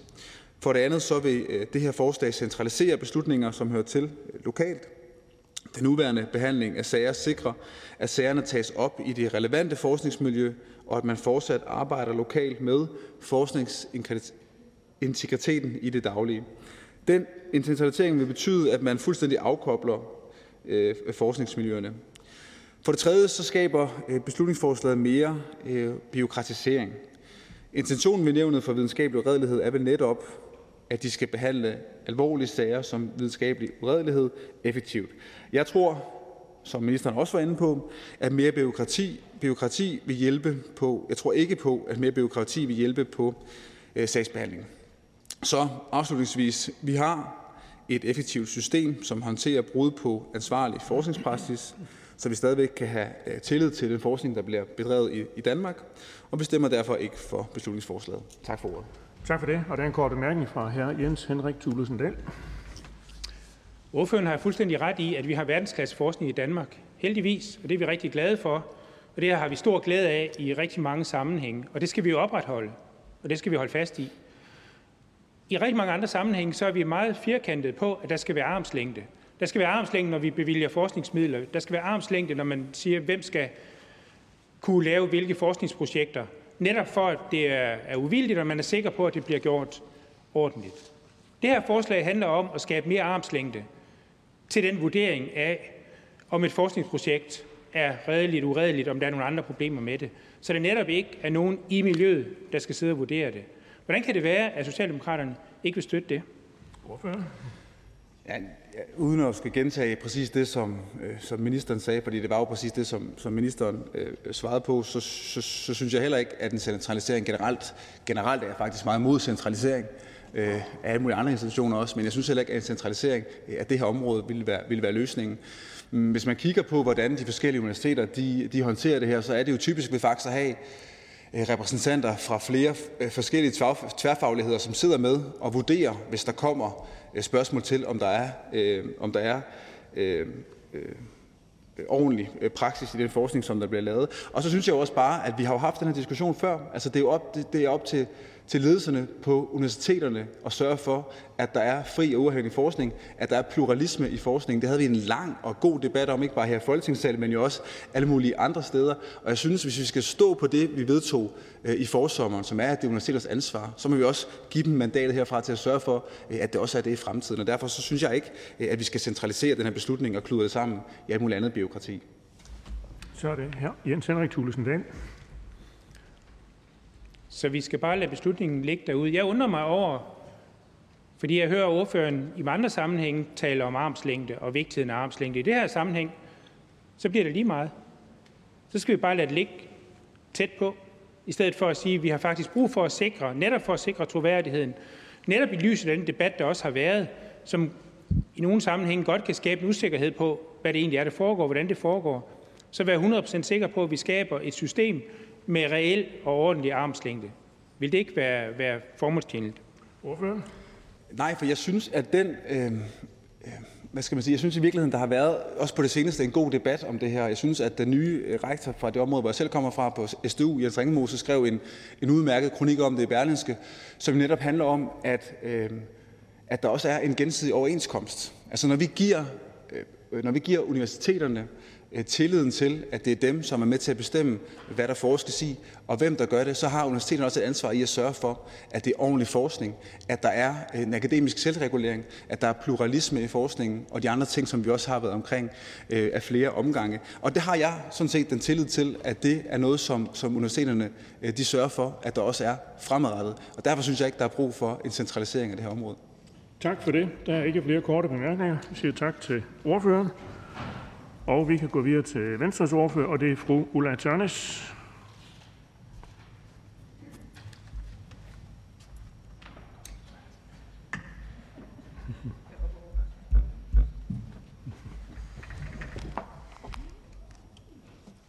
Tak for det.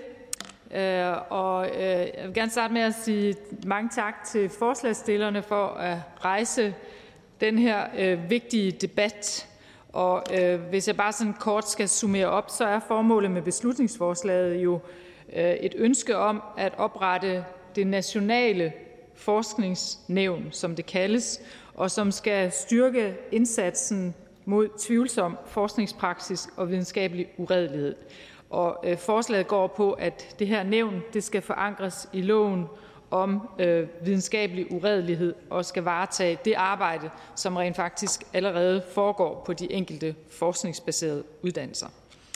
Øh, egentlig så kunne jeg faktisk øh, nøjes med blot at læne mig op af ministerens bemærkninger, hvor der jo var nogle glimrende referencer til min øh, partikollega Søren Pind, øh, og det han øh, øh lavede, da han sad i ministerstolen. Men for en ordens skyld, så vil jeg nu alligevel gerne lige knytte et par bemærkninger til øh, beslutningsforslaget. Men øh, jeg deler øh, meget langt hen ad vejen ministerens bemærkninger til beslutningsforslaget, og det kommer jeg til at begrunde. Forslagsstillerne mener, at det er problematisk, at det i dag er forskningsinstitutionernes egne praksisudvalg, som vurderer, om en anmeldelse om tvivlsom forskningspraksis og eller øh, uredelig forskning skal sendes videre til behandling i det nuværende nævn for videnskabelig uredelighed, eller om forskningsinstitutionen selv træffer afgørelse og afviser anmeldelsen. Forslagsstillerne mener som konsekvens heraf, at den nuværende konstruktion er til særlig ulempe for forskere i små, øh, for, på, på, på små forskningsområder, hvor det kan opleves som kom, kompromitterende for den pågældende anmelders kollegiale status at indgive en anmeldelse om en kollegas forskning til vurdering hos den institution, som forskeren selv er ansat under. Jeg noterer mig imidlertid, at forslagsstillerne ikke er bekendt med størrelsen på omfanget af dette påståede problem, men at det, øh, og det er så citat, vurderes øh, tvivlsomt, at det fulde omfang af uredelige og tvivlsomme forskning afdækkes i den nuværende konstruktion. Hvad den vurdering hviler på, er imidlertid ikke nærmere beskrevet i beslutningsforslaget. Altså, lægger man med beslutningsforslaget op til at løse et problem, som rent faktisk slet ikke eksisterer, kan man vel med rette spørge. Jeg noterer mig også, at forslaget ikke indebærer overvejelser om, at en de facto behandling af uredelig eller tvivlsom forskningspraksis uden om forskningsinstitutionernes egne praksisudvalg vil betyde, at der ikke længere vil være nogen oplagte gatekeepers for anmeldelser hvis alle forskere tildeles mulighed for at indklage direkte til et nationalt forskningsnævn.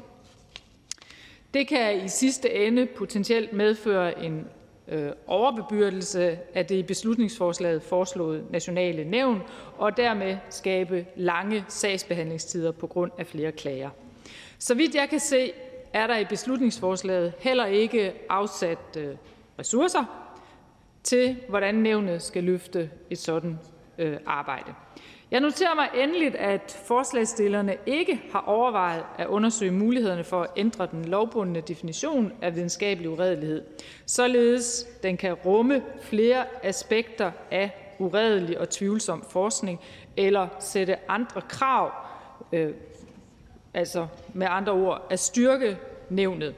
Forslagsstillerne nævner selv det danske kodex for forskningsintegritet, som forskningsinstitutionerne læner sig op af. Også dette kodex kunne man se yderligere på med henblik på en eventuel skærpelse. Af de nævnte årsager her øh, kan Venstre ikke stemme for beslutningsforslaget, som det er fremlagt i dag, men vi indgår gerne i yderligere dialog om at undersøge omfanget af det problem, som forslagsstillerne har rejst opmærksomhed omkring. Jeg skal også meddele på vegne af det konservative Folkepartis ordfører, fru Britt Bager, at øh, det konservative Folkeparti ikke kan støtte forslaget. Mange tak for Tak for det. Og der er en kort bemærkning fra hr. Jens Henrik Thulesen Dahl. Ja, tak for det. Tak for ordførertalen. Jeg bliver lidt bekymret, når ordføreren siger, at der skal være en gatekeeper. Fordi så bliver jeg bekymret for, hvad det er, den gatekeeper skal holde uden for gaten. Altså, det her må jo handle om, at vi skal have tingene frem. Jeg forstår godt, at man kan problematisere, at vi ikke har en kortlægning af problemets størrelse. Det har vi også før ønsket at få. Så jeg er sådan set glad for at høre ordføreren give tilsavn om, at Venstre vil være med til at presse på for, at vi får sådan en undersøgelse. Fordi det er klart, det vil kunne give grundlaget for at sige, at, øh, at det her er nødvendigt, eller finde ud af, at det slet ikke er nødvendigt. Så for den sags skyld, så, så vil jeg meget gerne øh, bekræfte, at det, det går vi da meget gerne ind i at få, få skabt. Men, men for lige et konkret spørgsmål. Mener fru Ulla Tørnes ikke, at der kan være brug for større armslængde i forhold til dem, der sidder ude på de enkelte institutioner nu og skal være gatekeeper i forhold til vurderingen af de her projekter? Ordføreren? Som øh, også ministeren, øh, der jo lænede sig op af tidligere minister Søren Pins øh, tale her øh, fra Folketinget, så mener jeg faktisk, at den måde, det øh, i dag er tilrettelagt, hvor der er et praksisudvalg, som forholder sig til øh, indholdet i den pågældende klage i forhold til det, der klages over. Altså dem, der har størst kendskab til området, også er dem, der, øh, jeg har så brugt udtrykket gatekeeper her, men dem, der øh, forholder sig til, om øh, det er en sag, der skal sendes videre i systemet. Det er en ordning, som efter min opfattelse fungerer, og som vi ikke har noget ønske om at ændre på. Her, Jens Henrik Thulesen Dahl. Så det, jeg hører, det er, at øh, fru Ulla Tørnes mener, at dem, der er tættest på, er de bedste til at vurdere. Altså dem, der har størst, tættest på og størst viden om det enkelte område, de er de bedste til at vurdere, om noget er redeligt eller ikke er redeligt. Og der kan jeg bare have en bekymring for, kan vi være sikre på, at de ikke på en eller anden led er så fedtet ind i det, de nu sidder og er eksperter på, at de har svært ved at holde armslængden, at de har svært ved at have det objektive blik på, hvad det egentlig er, de sidder og vurderer. Ordføreren? Øh, som det forhåbentlig er fremgået af øh, min tale og også tidligere besvarelse, så øh, ser jeg ikke øh, det samme problem, som øh, hr. Jens Henrik Thulesen Dahl peger på, og derfor ser jeg heller ikke noget grundlag for at ændre lovgivningen. Forudsætningen for, at vi på nogen, nogen som helst måde kunne indgå i en dialog om en ændret lovgivning på det her område, det er, at der foreligger et langt bedre øh, viden, en langt større viden om, hvad er egentlig problemets omfang her. Øh, som jeg antydede, så, så har man lidt fornemmelsen af, at forslagsstillerne lægger op til at løse et problem, som ikke eksisterer. Tak for det. Der er ikke flere korte bemærkninger. Vi siger tak til ordføreren. Og så kan vi videre til SF's øh, ordfører, og det er fru Astrid Karve. Tak for det. I øh, Danmark der har vi en stolt tradition for at sikre høj troværdighed, når forskere udarbejder rapporter, finder ny viden og samarbejder med andre. Og det er afgørende for at sikre forskning i høj kvalitet. Det er vigtigt, at der er en ordentlig procedure til at redegøre for uredelighed, rense forskere eller det modsatte, og at der findes en proces, der har tilslutning fra alle de forskere, offentlige såvel som private, som hver dag bidrager til, at Danmark kan være med i front på den internationale scene. Og det mener vi i SF, at dansk forskning allerede har i dag. Vi skal ikke længere tilbage end 2017, hvor vi sidst diskuterede proceduren for tvivlsom forskningspraksis og videnskabelig uredelighed. Dengang var vurderingen, at tilfælde af tvivlsom forskningspraksis bedst håndteres som en del af forskningsinstitutionernes arbejde, og at nævnet for videnskabelig uredelighed skulle behandle sager om videnskabelig uredelighed. En klar ansvarsfordeling, som i dag giver de enkelte institutioner stor ansvarlighed og autonomi til at fastsætte rammerne og processen for behandling af tilfælde i, øh, af tvivlsom forskningspraksis. En ansvarsfordeling, som giver effektive behandlingstider, fordi mindre sager kan løses lokalt. En arbejdsfordeling, som gør, at øh, Nævnet for Videnskabelig Uredelighed modtager veloplyste og relevante sager. Og den arbejdsfordeling ser jeg ikke nogen grund til at ændre på. Jeg har fuld tillid til, at praksisudvalgene ude på institutionerne sikrer, at der er et tilstrækkeligt grundlag for at behandle klager, som vedrører tvivlsom forskningspraksis, og at de lever op til deres ansvar i forhold til anmeldelse af sager. Og jeg er også bekymret for den unødige administration, som det her forslag vil give. Derfor så mener jeg, at det er en stor fordel, at det er forankret ude på institutionerne. Jeg kan, se, øh, jeg kan ikke se, hvordan et nationalt forskningsnævn skal kunne have hverken de nødvendige eller tilstrækkelige ressourcer til at kunne belyse en klagesag tilstrækkeligt. Og slet ikke uden, at det vil føre til lange sagsbehandlingstider og et unødigt byråkratisk setup. Og så vil jeg også bare til slut sige, at jeg er meget uenig i forslaget til finansiering. Vi i SF vil i hvert fald på ingen måde være med til at udhule basismidlerne og dermed universiteternes penge til forskning og undervisning for at lave et byråkratisk og unødvendigt øh, forskningsnævn. Så vi kan ikke bakke op om beslutningsforslaget. Tak for det. Og der er en kort bemærkning fra her Jens Henrik Thulesen Dahl. Ja, tak for talen. Øh, jeg vil gerne høre ordføreren om, at fru Astrid Krajø ikke mener, at man kan være for tæt på noget til at kunne tage, lave en, en, en objektiv og dermed korrekt vurdering, hvis man sidder ude på den enkelte institution i nærheden af det enkelte forskningsmiljø, så er man rent faktisk kan sige, at den vurdering, der kommer derfra, den er ikke objektiv. Ordføreren? Øhm, jo, man kan godt komme for tæt på. Altså, vi skal jo ikke have folk til at vurdere deres eget arbejde, for eksempel. Øh, det synes jeg ikke vil være god praksis. Det er bare heller ikke sådan, det foregår i dag. Praksisudvalgene er sådan helt som hovedregel på syv ud af otte universiteter øh, er de på tværs af de enkelte fagmiljøer. Så det er ikke et enkelt fagmiljø, der sidder og vurderer øh, forskningsting fra det samme fagmiljø. Det sker simpelthen ikke derude. Øh, så, så, så jo, det kan godt ske, men det er ikke det, der sker her. Ja, Jens Henrik Thulesen Dahl. Men nu har vi så diskussionen, hvad sker der, hvad sker der ikke? Så derfor vil jeg gerne spørge, om SF vil være med til at bakke op om, at vi laver en kortlægning, så vi egentlig fik et fælles grundlag for at vurdere på, jamen, er der et problem, eller er der ikke et problem derude rundt omkring? Vil SF være med til det? Altså, man havde jo et meget grundigt arbejde, man færdiggjorde i 2015 netop om det her område, og ud fra det lavede man nye regler i 2017, som Dansk Folkeparti dengang også bakkede op om, som netop er det her, altså det, som vi har i dag, og som vurderingen er, at det er det, der fungerer bedst. Øhm, og umiddelbart er der ikke øh, store udfordringer derude, øhm, så, så jeg synes, at det er, det er godt, at vi har et effektivt system, som ikke er særlig byråkratisk, der er ikke lange svartider, og så har vi et nævn, som er øh, hvad hedder det, øhm, nationalt, og som, som kan hjælpe i de sager, hvor at, at man ikke lokalt kan finde ud af det. Tak for det. Så er der ikke flere korte bemærkninger. Tak til øh, ordføreren. Og vi går videre til Radikale Venstres ordfører, og det er her Stinus Lindgren. Tak for det. Og endnu en gang tak til forslagstillerne for, at vi igen får muligheden for at diskutere forskning her i øh, Folketingssalen.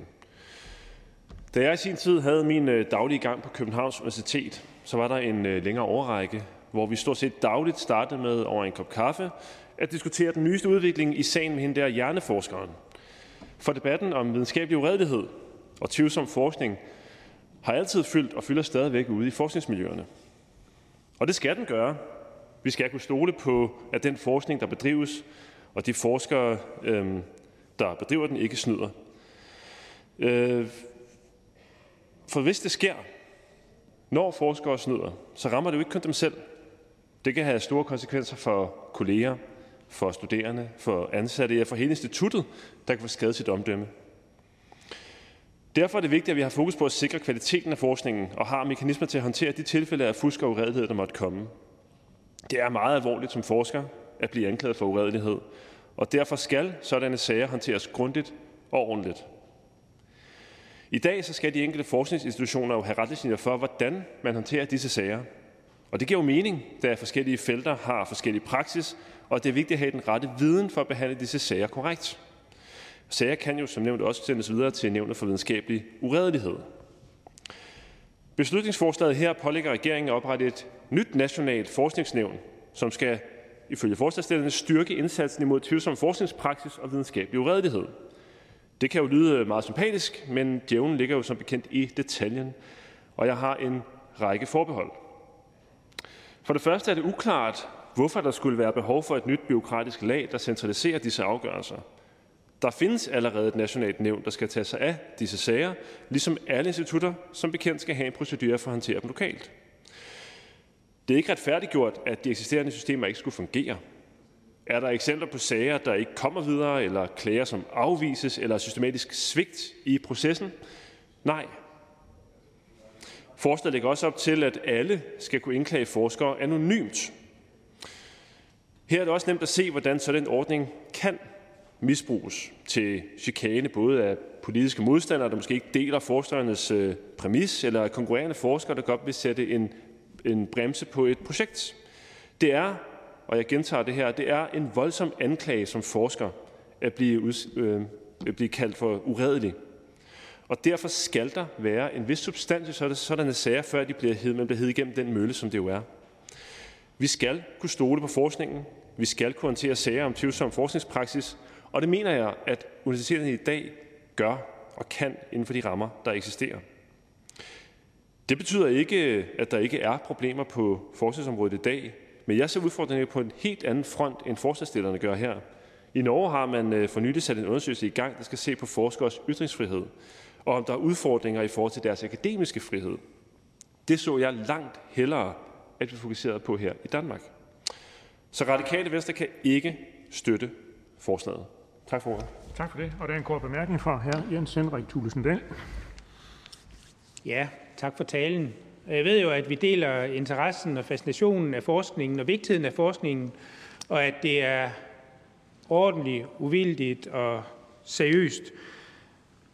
Og derfor så øh, tror jeg også, at vi deler bekymringen for, hvis der er problemer. Og så kan man selvfølgelig have diskussionen, som vi har nu af, hvad gør vi så ved det for at gøre det bedst muligt.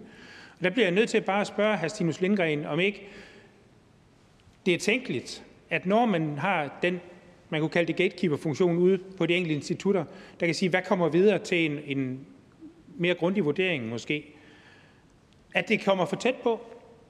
Altså, at der kan sidde nogle af de miljøer, der egentlig bekræfter hinanden i, at det her det er okay, hvor hvis det kom ud og blev kigget på sådan mere objektivt, mere med armslængde, at man så egentlig fik en mere objektiv vurdering, mere ensartet vurdering af de enkelte projekter.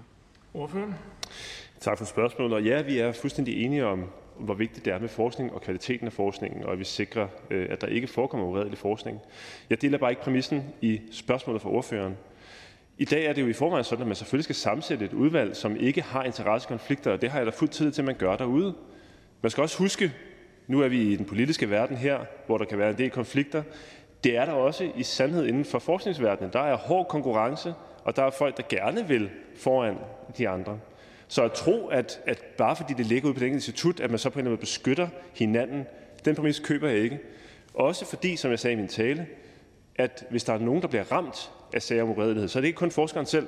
Det er også kolleger, det er ansatte, det er studerende, det er instituttet selv, hvis det kommer frem, at man dækker over den her slags. Så der er kun én interesse her, og det er for de sager afdækket og afklaret hurtigst muligt. Her Jens Henrik Thulesen Dahl. Jeg kan godt høre, at vi har en uenighed i forhold til, om der er en problemstilling derude. Øh, og Stinus Lindgren er som nok tættere på forskningsmiljøerne, end jeg er, så har nok en viden på en anden vis. Og jeg kan kun kigge på det udefra. Men jeg vil meget gerne have, at vi kan være helt sikre på, at det, der foregår, også er ordentligt. Så kunne vi blive enige om at lave en kortlægning og få kortlagt, jamen er der udfordringer, er der problemer, øh, så vi rent faktisk har det grundlag at stå på i forhold til at vurdere, skal vi lave om på det system, vi har nu. Nu er det jo ikke mange år siden, man lavede en kortlægning af problemet for at se, hvad man skulle gøre, om der skulle rettes op, hvilket man så handlede på baggrund af. Og som jeg nævnte i min tale, så ser jeg problemerne på en helt anden front. Jeg har ingen indikationer af, at der er sager om uredelighed, der ikke kommer videre, forskere, der dækker over hinanden. Hele den problematik, som, som forslaget her hviler på, jeg ser det ikke. Tværtimod ser jeg hellere, at vi skulle kigge på, om forskere er hæmmet på andre måder. Er der anslag mod deres ytringsfrihed, deres akademiske frihed? Er der noget der, vi skal være opmærksom på, institutionen skal være opmærksom på? Det tror jeg er langt vigtigere. Tak for det. Der er ikke flere korte bemærkninger. Vi siger tak til øh, ordføreren.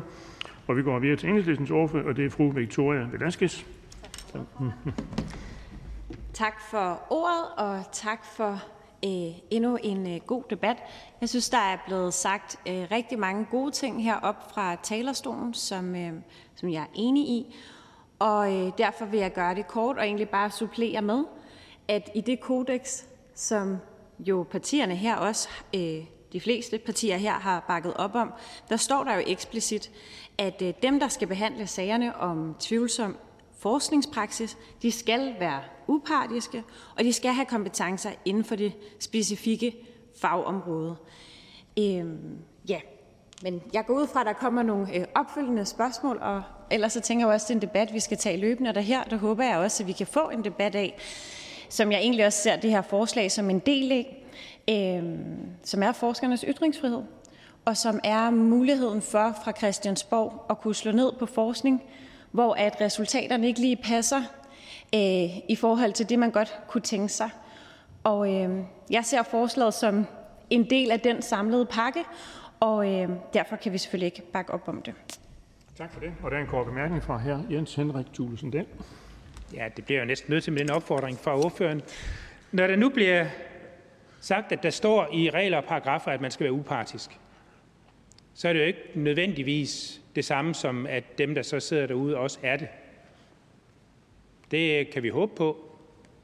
Men, men det, jeg egentlig gerne vil høre ordførende om, det er, om enhedslisten vil være med til, på basis af den uenighed, der kan være herinde, at lave en kortlægning af det her. Og sige, lad os finde ud af, hvordan ser det ud? Er der en udfordring, eller er der ikke en udfordring? Og så på den baggrund have et grundlag for at lave de ændringer, som i givet fald skal til.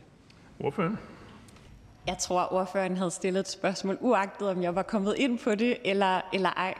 Øhm, ja, nå, lad det være det. I forhold til kortlægningen, så øh, er flere jo også kommet ind på, at der er blevet lavet et stort stykke arbejde, som er forud for det her. Og øh, jeg synes egentlig, ja, det vil give bedre mening, at vi laver en kortlægning af, hvordan det står til med forskers ytringsfrihed. Øhm, men jeg kunne godt tænke mig at høre den anden vej rundt måske, om om øh, forslagsstillerne og partierne faktisk har spurgt nogle af dem, om, øh, som sidder med de her øh, problemstillinger, eller har spurgt nogle andre, eller hvad det er for et forarbejde, der ligger forud for det her arbejde. Hvor er det, man ville kunne understøtte eller hjælpe, hvis det er, at, øh, at der skulle være nogen, der oplevede oplevet de her øh, problemer?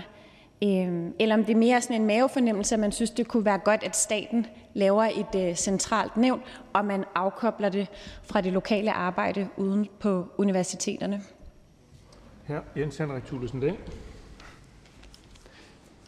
Jamen grundlaget er faktisk, at vi hører fra forskellige, at der er nogle udfordringer her. Det vil jeg ikke stå her, fordi de personer, der kommer til os med det, de synes faktisk, det er rigtig svært at bringe det op i andre sammenhænge. Så derfor så synes vi faktisk, det er vigtigt at kigge på det. Og det er derfor, jeg gerne vil opfordre til, kunne vi så lave en kortlægning, så vi rent faktisk mere objektivt kiggede på, hvad er der et problem. Fordi jeg skal jo ikke kunne sige, at dem, der kommer til mig, jeg er ikke faglig, jeg er ikke forsker, jeg kan ikke dykke ned i, om det er helt objektivt. Jeg kan heller ikke dykke ned i, hvad der foregår derude. Så, så derfor vil jeg egentlig bare gerne gentage mit spørgsmål til enhedslisten. Kunne vi ikke blive enige om at lave en undersøgelse, en kortlægning af det her? Jeg synes, det er en kæmpe gave, når der er nogen, der henvender sig i forhold til, at vi skal skabe en bedre praksis, eller der er nogle ting, vi kan forbedre. Og nogle gange, når folk henvender sig med et problem, så er det jo oplagt at prøve at spørge ind til, om de har nogle konkrete forslag til, hvordan man kan løse problemet, eller om der er noget, der kan understøtte det. Og øh, jeg hører ikke tværtimod, at det, der efterspørges, er, at vi skal have et forskningsnævn på den måde, som det er, at ordføreren foreslår det. Og der er så mange fordele ved at styrke det ude lokalt. Så jeg håber, at ordføreren vil svare tilbage og spørge, om der er nogle ting, man kan gøre, og nogle initiativer, man kan gøre for at understøtte, hvordan det fungerer i dag. Og det vil vi gerne være med til at se på de svar, der skulle komme der. Tak for det. Men der er ikke flere muligheder til den tak. foregående spørger, så vi er nødt til at henvise til bilaterale snakker på det. Og der er ikke flere, der har Øh, rejst øh, ønsker om kort bemærkning nu, så vi går videre til næste ordfører, og det er Nyborgerliges øh, ordfører, og det er her Peter Sejer Christensen.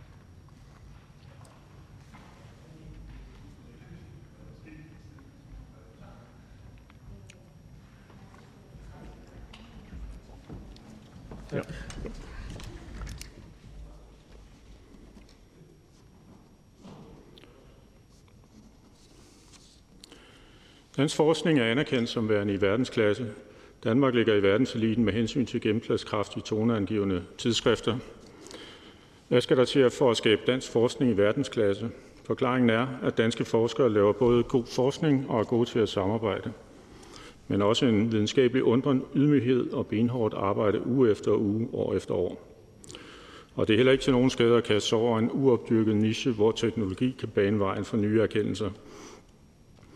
Og så skal man have evnen til at skaffe penge og skabe relationer, både til hele forskerholdet og til verden omkring. Men når man er magthaver i et universitetssystem som det danske, skal der altid, skal der altid være nogen, man er underlagt kvalitetssikring. Armslægteprincippet er noget, vi benytter i mange andre sammenhænge. Videnskab er en stærk karrieredreven disciplin. Videnskabsfolk har brug for et godt omdømme. Alle skal kunne indgive en klage, herunder anonymt. Muligheden for at indklage forskning gøres digitalt og nemmere, end det er tilfældet ved forskningsinstitutionerne i dag. Nævnet bestemmer suverænt, om det vil tage en sag op. Det nationale forskningsnævns tværdisciplinære og tværsektionelle sammensætning skal sikre den nødvendige vidensdeling om den bedste danske forskningspraksis. Det giver dermed fremtidens forskere endnu bedre muligheder for at tilegne sig de kompetencer og den integritet, det kræves af forskere med danske universiteter. Og derfor opfordrer vi i Nye Borgerlige Folketingets partier til at stemme for beslutningsforslaget, men det kan jeg også notere mig ikke er tilfældet. Tak. Tak for det. Og der er en kort bemærkning fra hr. Stinus Lindgren. Tak for det. Tak for talen. Nu kommer ordføreren selv ind på muligheden for de her anonyme klager. Det er en af de ting, jeg selv stusser lidt over i, øh, i beslutningsforslaget. Fordi jeg ser potentialet for, at en sådan ordning kan, kan misbruges. Så godt tænke mig, hvilke tanker har ordføreren gjort sig i forhold til, til den praksis, man lægger op til her, og man ser nogle udfordringer i, i den måde, man, man foreslår det på? Ordføreren? Ja, altså selvfølgelig øh, vil en sag jo ikke kunne blive til noget, hvis der ikke er noget substans i den. Så derfor bare det at indgive en anonym klage mod en, en, en forsker, som slet ikke har nogen substans, vil der jo ikke komme noget ud af. Hr. Stinus Lindgren. Når man antager, at en klage vil sætte gang i et eller andet, en eller anden proces, øhm, kunne man ikke forestille sig, at der ikke er nogen konsekvenser for de forskere, der, der bliver anklaget? At få en anklage som uredelig som forsker er jo noget af det værste, der kan ske. Bare se på de personer, der er blevet anklaget og har fået en dom. Øh, de er ikke længere i forskning. Så det er, jo ikke, det er jo ikke for sjovt, det her. Man skal kunne tage det alvorligt, men det gælder jo begge veje. Og at lave et system, som risikerer på, på et forkert grundlag at mærke forskere, det kan have ret store konsekvenser. Er det ikke en bekymring, øh, man bør tage alvorligt? Øh, og har man overhovedet et indtryk af, at der er et problem her, man bør tage, tage hånd om, før man kommer med så vidtgående et forslag? Ordføreren? Ja, nu nævner øh, ordføreren jo selv, at det har haft konsekvenser for dem, hvor øh, klagen så har vist sig at, at indeholde noget. Men hvis en forsker bliver pur frifundet, øh, og den viser sig at være fuldstændig indholdsløs, så vil forskeren jo også blive renset. Tak for det. Så er der ikke flere korte bemærkninger. Tak til øh, ordføreren. Og Liberal Alliance eller Fri Grønne, så KD, og så går vi til øh, ordføreren for fortidstillerne, og det er her Jens Henrik Thulesen Dahl. Tak for det. Tak for en god debat. Det er altid spændende og interessant at diskutere forskning. Det forslag, vi har diskuteret i dag, det er jo til hensigt at sikre troværdigheden og integriteten i dansk forskning. Dansk forskning er anerkendt som værende i verdensklasse, og det er afgørende, at vi beskytter det renommé. Derfor mener vi i Dansk Folkeparti, at der er behov for at opdatere loven om videnskabelig uredelighed. Havde loven været tilstrækkelig i dag, så havde vi ikke haft de problemer, vi har. Små og lukkede fagområder inden for navnlig kønsforskning, raceforskning, postkoloniale studier og bredt set kulturstudier blåstempler ukritisk hinanden, og universiteternes ledelse er for høflige eller for bange til at gøre noget ved det. Det vil jo ramme dem som en boomerang og i rette sætte forskerne for hvem ønsker at skade ens omdømme og måske gå glip af bevillinger og lide prestigetab. Og det er en af grunden til, at der er brug for armslængde. For hvordan kan forskningsinstitutioner sidde og vurdere deres egne? Det ønsker de ikke. Interessekonflikten er åbenlys, og problemernes omfang taler sit tydelige sprog. Universiteterne løser ikke selv problemerne, som det ser ud i dag. Det virker derfor også besynderligt, at forskerne lige netop i det her tilfælde ikke går ind for armslængde. Derudover så vil jeg gerne lige komme med en i mine øjne uberettiget kritik i forkøbet, nemlig den, at vi vil sidde som politikere og bestemme, hvad der er god og hvad der er dårlig forskning. Det vil vi ikke. Det er vigtigt, at det er det nationale forskningsnævn alene, der kan bestemme, om de vil tage en sag op, og samtidig vil nævnet få til opgave at udarbejde en årlig rapport om bedste praksis. Anbefalingerne udarbejdes med udgangspunkt i de særlige udfordringer, der måtte vise sig i et givet forskningsfelt, med henblik på at styrke forskningsfeltets fagfældemiljø og de uddannelser, der hører til forskningsfeltet. Det nationale forskningsnævns tværdisciplinære og tværsektionelle sammensætning vil sikre den nødvendige vidensdeling og bedste praksis og giver dermed fremtidens forskere bedre muligheder for at tilegne sig de kompetencer og den integritet, der kræves af forskere ved danske universiteter. Når vi har fastsat en sen dato for oprettelse af nævnet inden udgangen af 23, så er det fordi, vi anerkender, at der skal et grundigt forarbejde til, og det er det arbejde, som vi gerne ville tage tilløb til med det her forslag. Nu har jeg så godt hørt ordførende sådan lidt bredt sige, at vi ikke kommer videre med det her forslag, som det ligger. Det må jeg jo tage til efterretning. Det, jeg håber, vi kan arbejde videre med, det er måske så at se på en reel kortlægning. Og se på, jamen, hvor store og hvor små er de her problemer rent faktisk. Og for den sags skyld kan vi tage ytringsfrihedsudfordringerne med, som hr. Stinus Lindgren nævnte i sin ordførertale. Fordi vi har brug for at være sikre på, at det her er ordentligt og redeligt. Vi har brug for at være sikre på, at når der laves forskning i Danmark, jamen så er det i verdensklasse. Så er det i orden, og så er der ikke noget at sætte fingeren på. Og det er egentlig det, der er vores hovedsigte med det her forslag. Men jeg vil gerne sige mange tak for debatten i dag, og håber, vi fortsætter den på et andet tidspunkt. Tak for ordet. Tak for det. Og der er en kort bemærkning fra hr. Stinus Lindgren. Tak for det. Jeg vil fortsætte den lige nu. Øhm, ordføreren nævner øh, ganske fornuftigt, at vi selvfølgelig ikke politisk skal sidde og bestemme, øh, hvilke områder eller hvilke sager, der skal besluttes, men alligevel nævner ordføreren nogle specifikke, konkrete fagområder, mm. som værende problematiske, må man antage, eftersom det bliver taget i forbindelse med videnskabelig uredelighed. Og det leder mig frem til det spørgsmål, måske ikke så overraskende, som jeg også stillede til hr. Peter Seier Christensen lige før, om den ordning, ordføreren foreslår her, ikke har nogen problemer. Om ikke øh, ordføreren anerkender, at der kan være nogle udfordringer i den måde, man gør det på, hvis man kan anklage folk anonymt, og derved hive dem igennem en mølle, også selvom man bliver renset bagefter. Man siger jo også, der går ikke røg uden brand, at der er nogle ting, der kan hænge fast, og hvis man kan blive ved med at gøre det i al evighed og anklage folk for uredeligt, fordi man er uenig med feltet, er det ikke en, en udfordring? Er det ikke et problem? Ordføreren? Jamen, anonymitet har selvfølgelig nogle indbyggede problemer. Det anerkender jeg. Omvendt, så har vi også et hensyn til at sikre, at der er mulighed for at få vurderet øh, et forskningsprojekts valør. Og, og hvis man nu sidder i et ret tæt forskningsmiljø, og det er jo i hvert fald nogle af de problemstillinger, som kan bekymre os, der kan være, at man egentlig, det er en kollega, som man gerne vil have, have kigget på, så kan man ved det her system få kigget på det, og hvis kollegaen bliver frikendt, øh, så vil jeg sige, jamen så må man jo anse sig for renset. Men selvfølgelig skal vi tage en diskussion af, hvordan gør vi det på en fornuftig måde. Men jeg mener bare, at der er behov for, at man netop kan sikre, at man også i mindre miljøer kan få kigget objektivt med armslængde på givende projekter. Ja, Stinus Lindgren. Men det lyder som, der er en antagelse om, at forskere sidder og putter sig lidt og ikke vil kritisere nogle andre forskere for at lave noget dårlig forskning. Og det er ganske enkelt ikke et billede, jeg kan genkende. Tværtimod, forskning bygger jo på kritik af hinanden. Tag til en virksomhed videnskabelig konference, eller læs en videnskabelig tidsskrift, og du vil se, at det er det, forskere gør. Fremlægger egne resultater og kritiserer de andre, fordi de vil have ret, og de tager fejl. Det er sådan, forskning er. Så ideen om, at man ikke anklager folk for uredelighed, selvom man tror, at de har gjort noget forkert, fordi man er bange for at sætte sit navn frem, det, jeg, jeg kan slet ikke forstå, hvor den bekymring kommer fra. Så hvad er det, der reelt gør, at man fremsætter det her forslag? Hvorfor? Jamen, man kan sige, den bekymring, som jeg har, uden at være forsker, uden at på den måde kunne sætte mig ind i de enkelte forskningsområder, det er, at man på et forskningsområde udvikler metoder, som man anerkender hinanden for, som rent faktisk ikke forskningsmæssigt holder. Og der har jeg et billede af, at der så kan opstå miljøer, hvor man simpelthen godkender hinandens projekter. Og der vil jeg gerne med det her sikre, at der er en armslængde i forhold til vurderingen af de enkelte projekter, der siger, jamen, er der noget her, at komme efter, så skal vi også kunne se på det. Og det er derfor, jeg egentlig opfordrer til, at kan vi ikke andet, kunne vi så lave en kortlægning af udfordringen. Så kan vi bagefter, at Stinus Lindgren og jeg, tage en diskussion af, hvad gør vi så ved det. Men hvis vi i hvert fald kunne få det kortlagt, så ville det være et fremskridt. Tak for det. Og der er ikke flere korte bemærkninger. Tak til øh, ordføreren. Og der er ikke flere, som har bedt om ordet, forhandlingen sluttet, og jeg foreslår, at forslaget henvises til Uddannelses- og Forskningsudvalget. Og hvis ingen gør indsigelse, betragter jeg dette som vedtaget, og det er øh, vedtaget.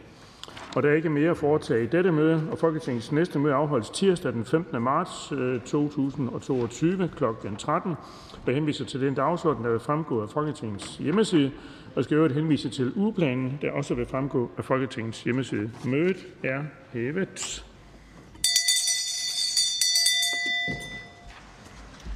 Jeps.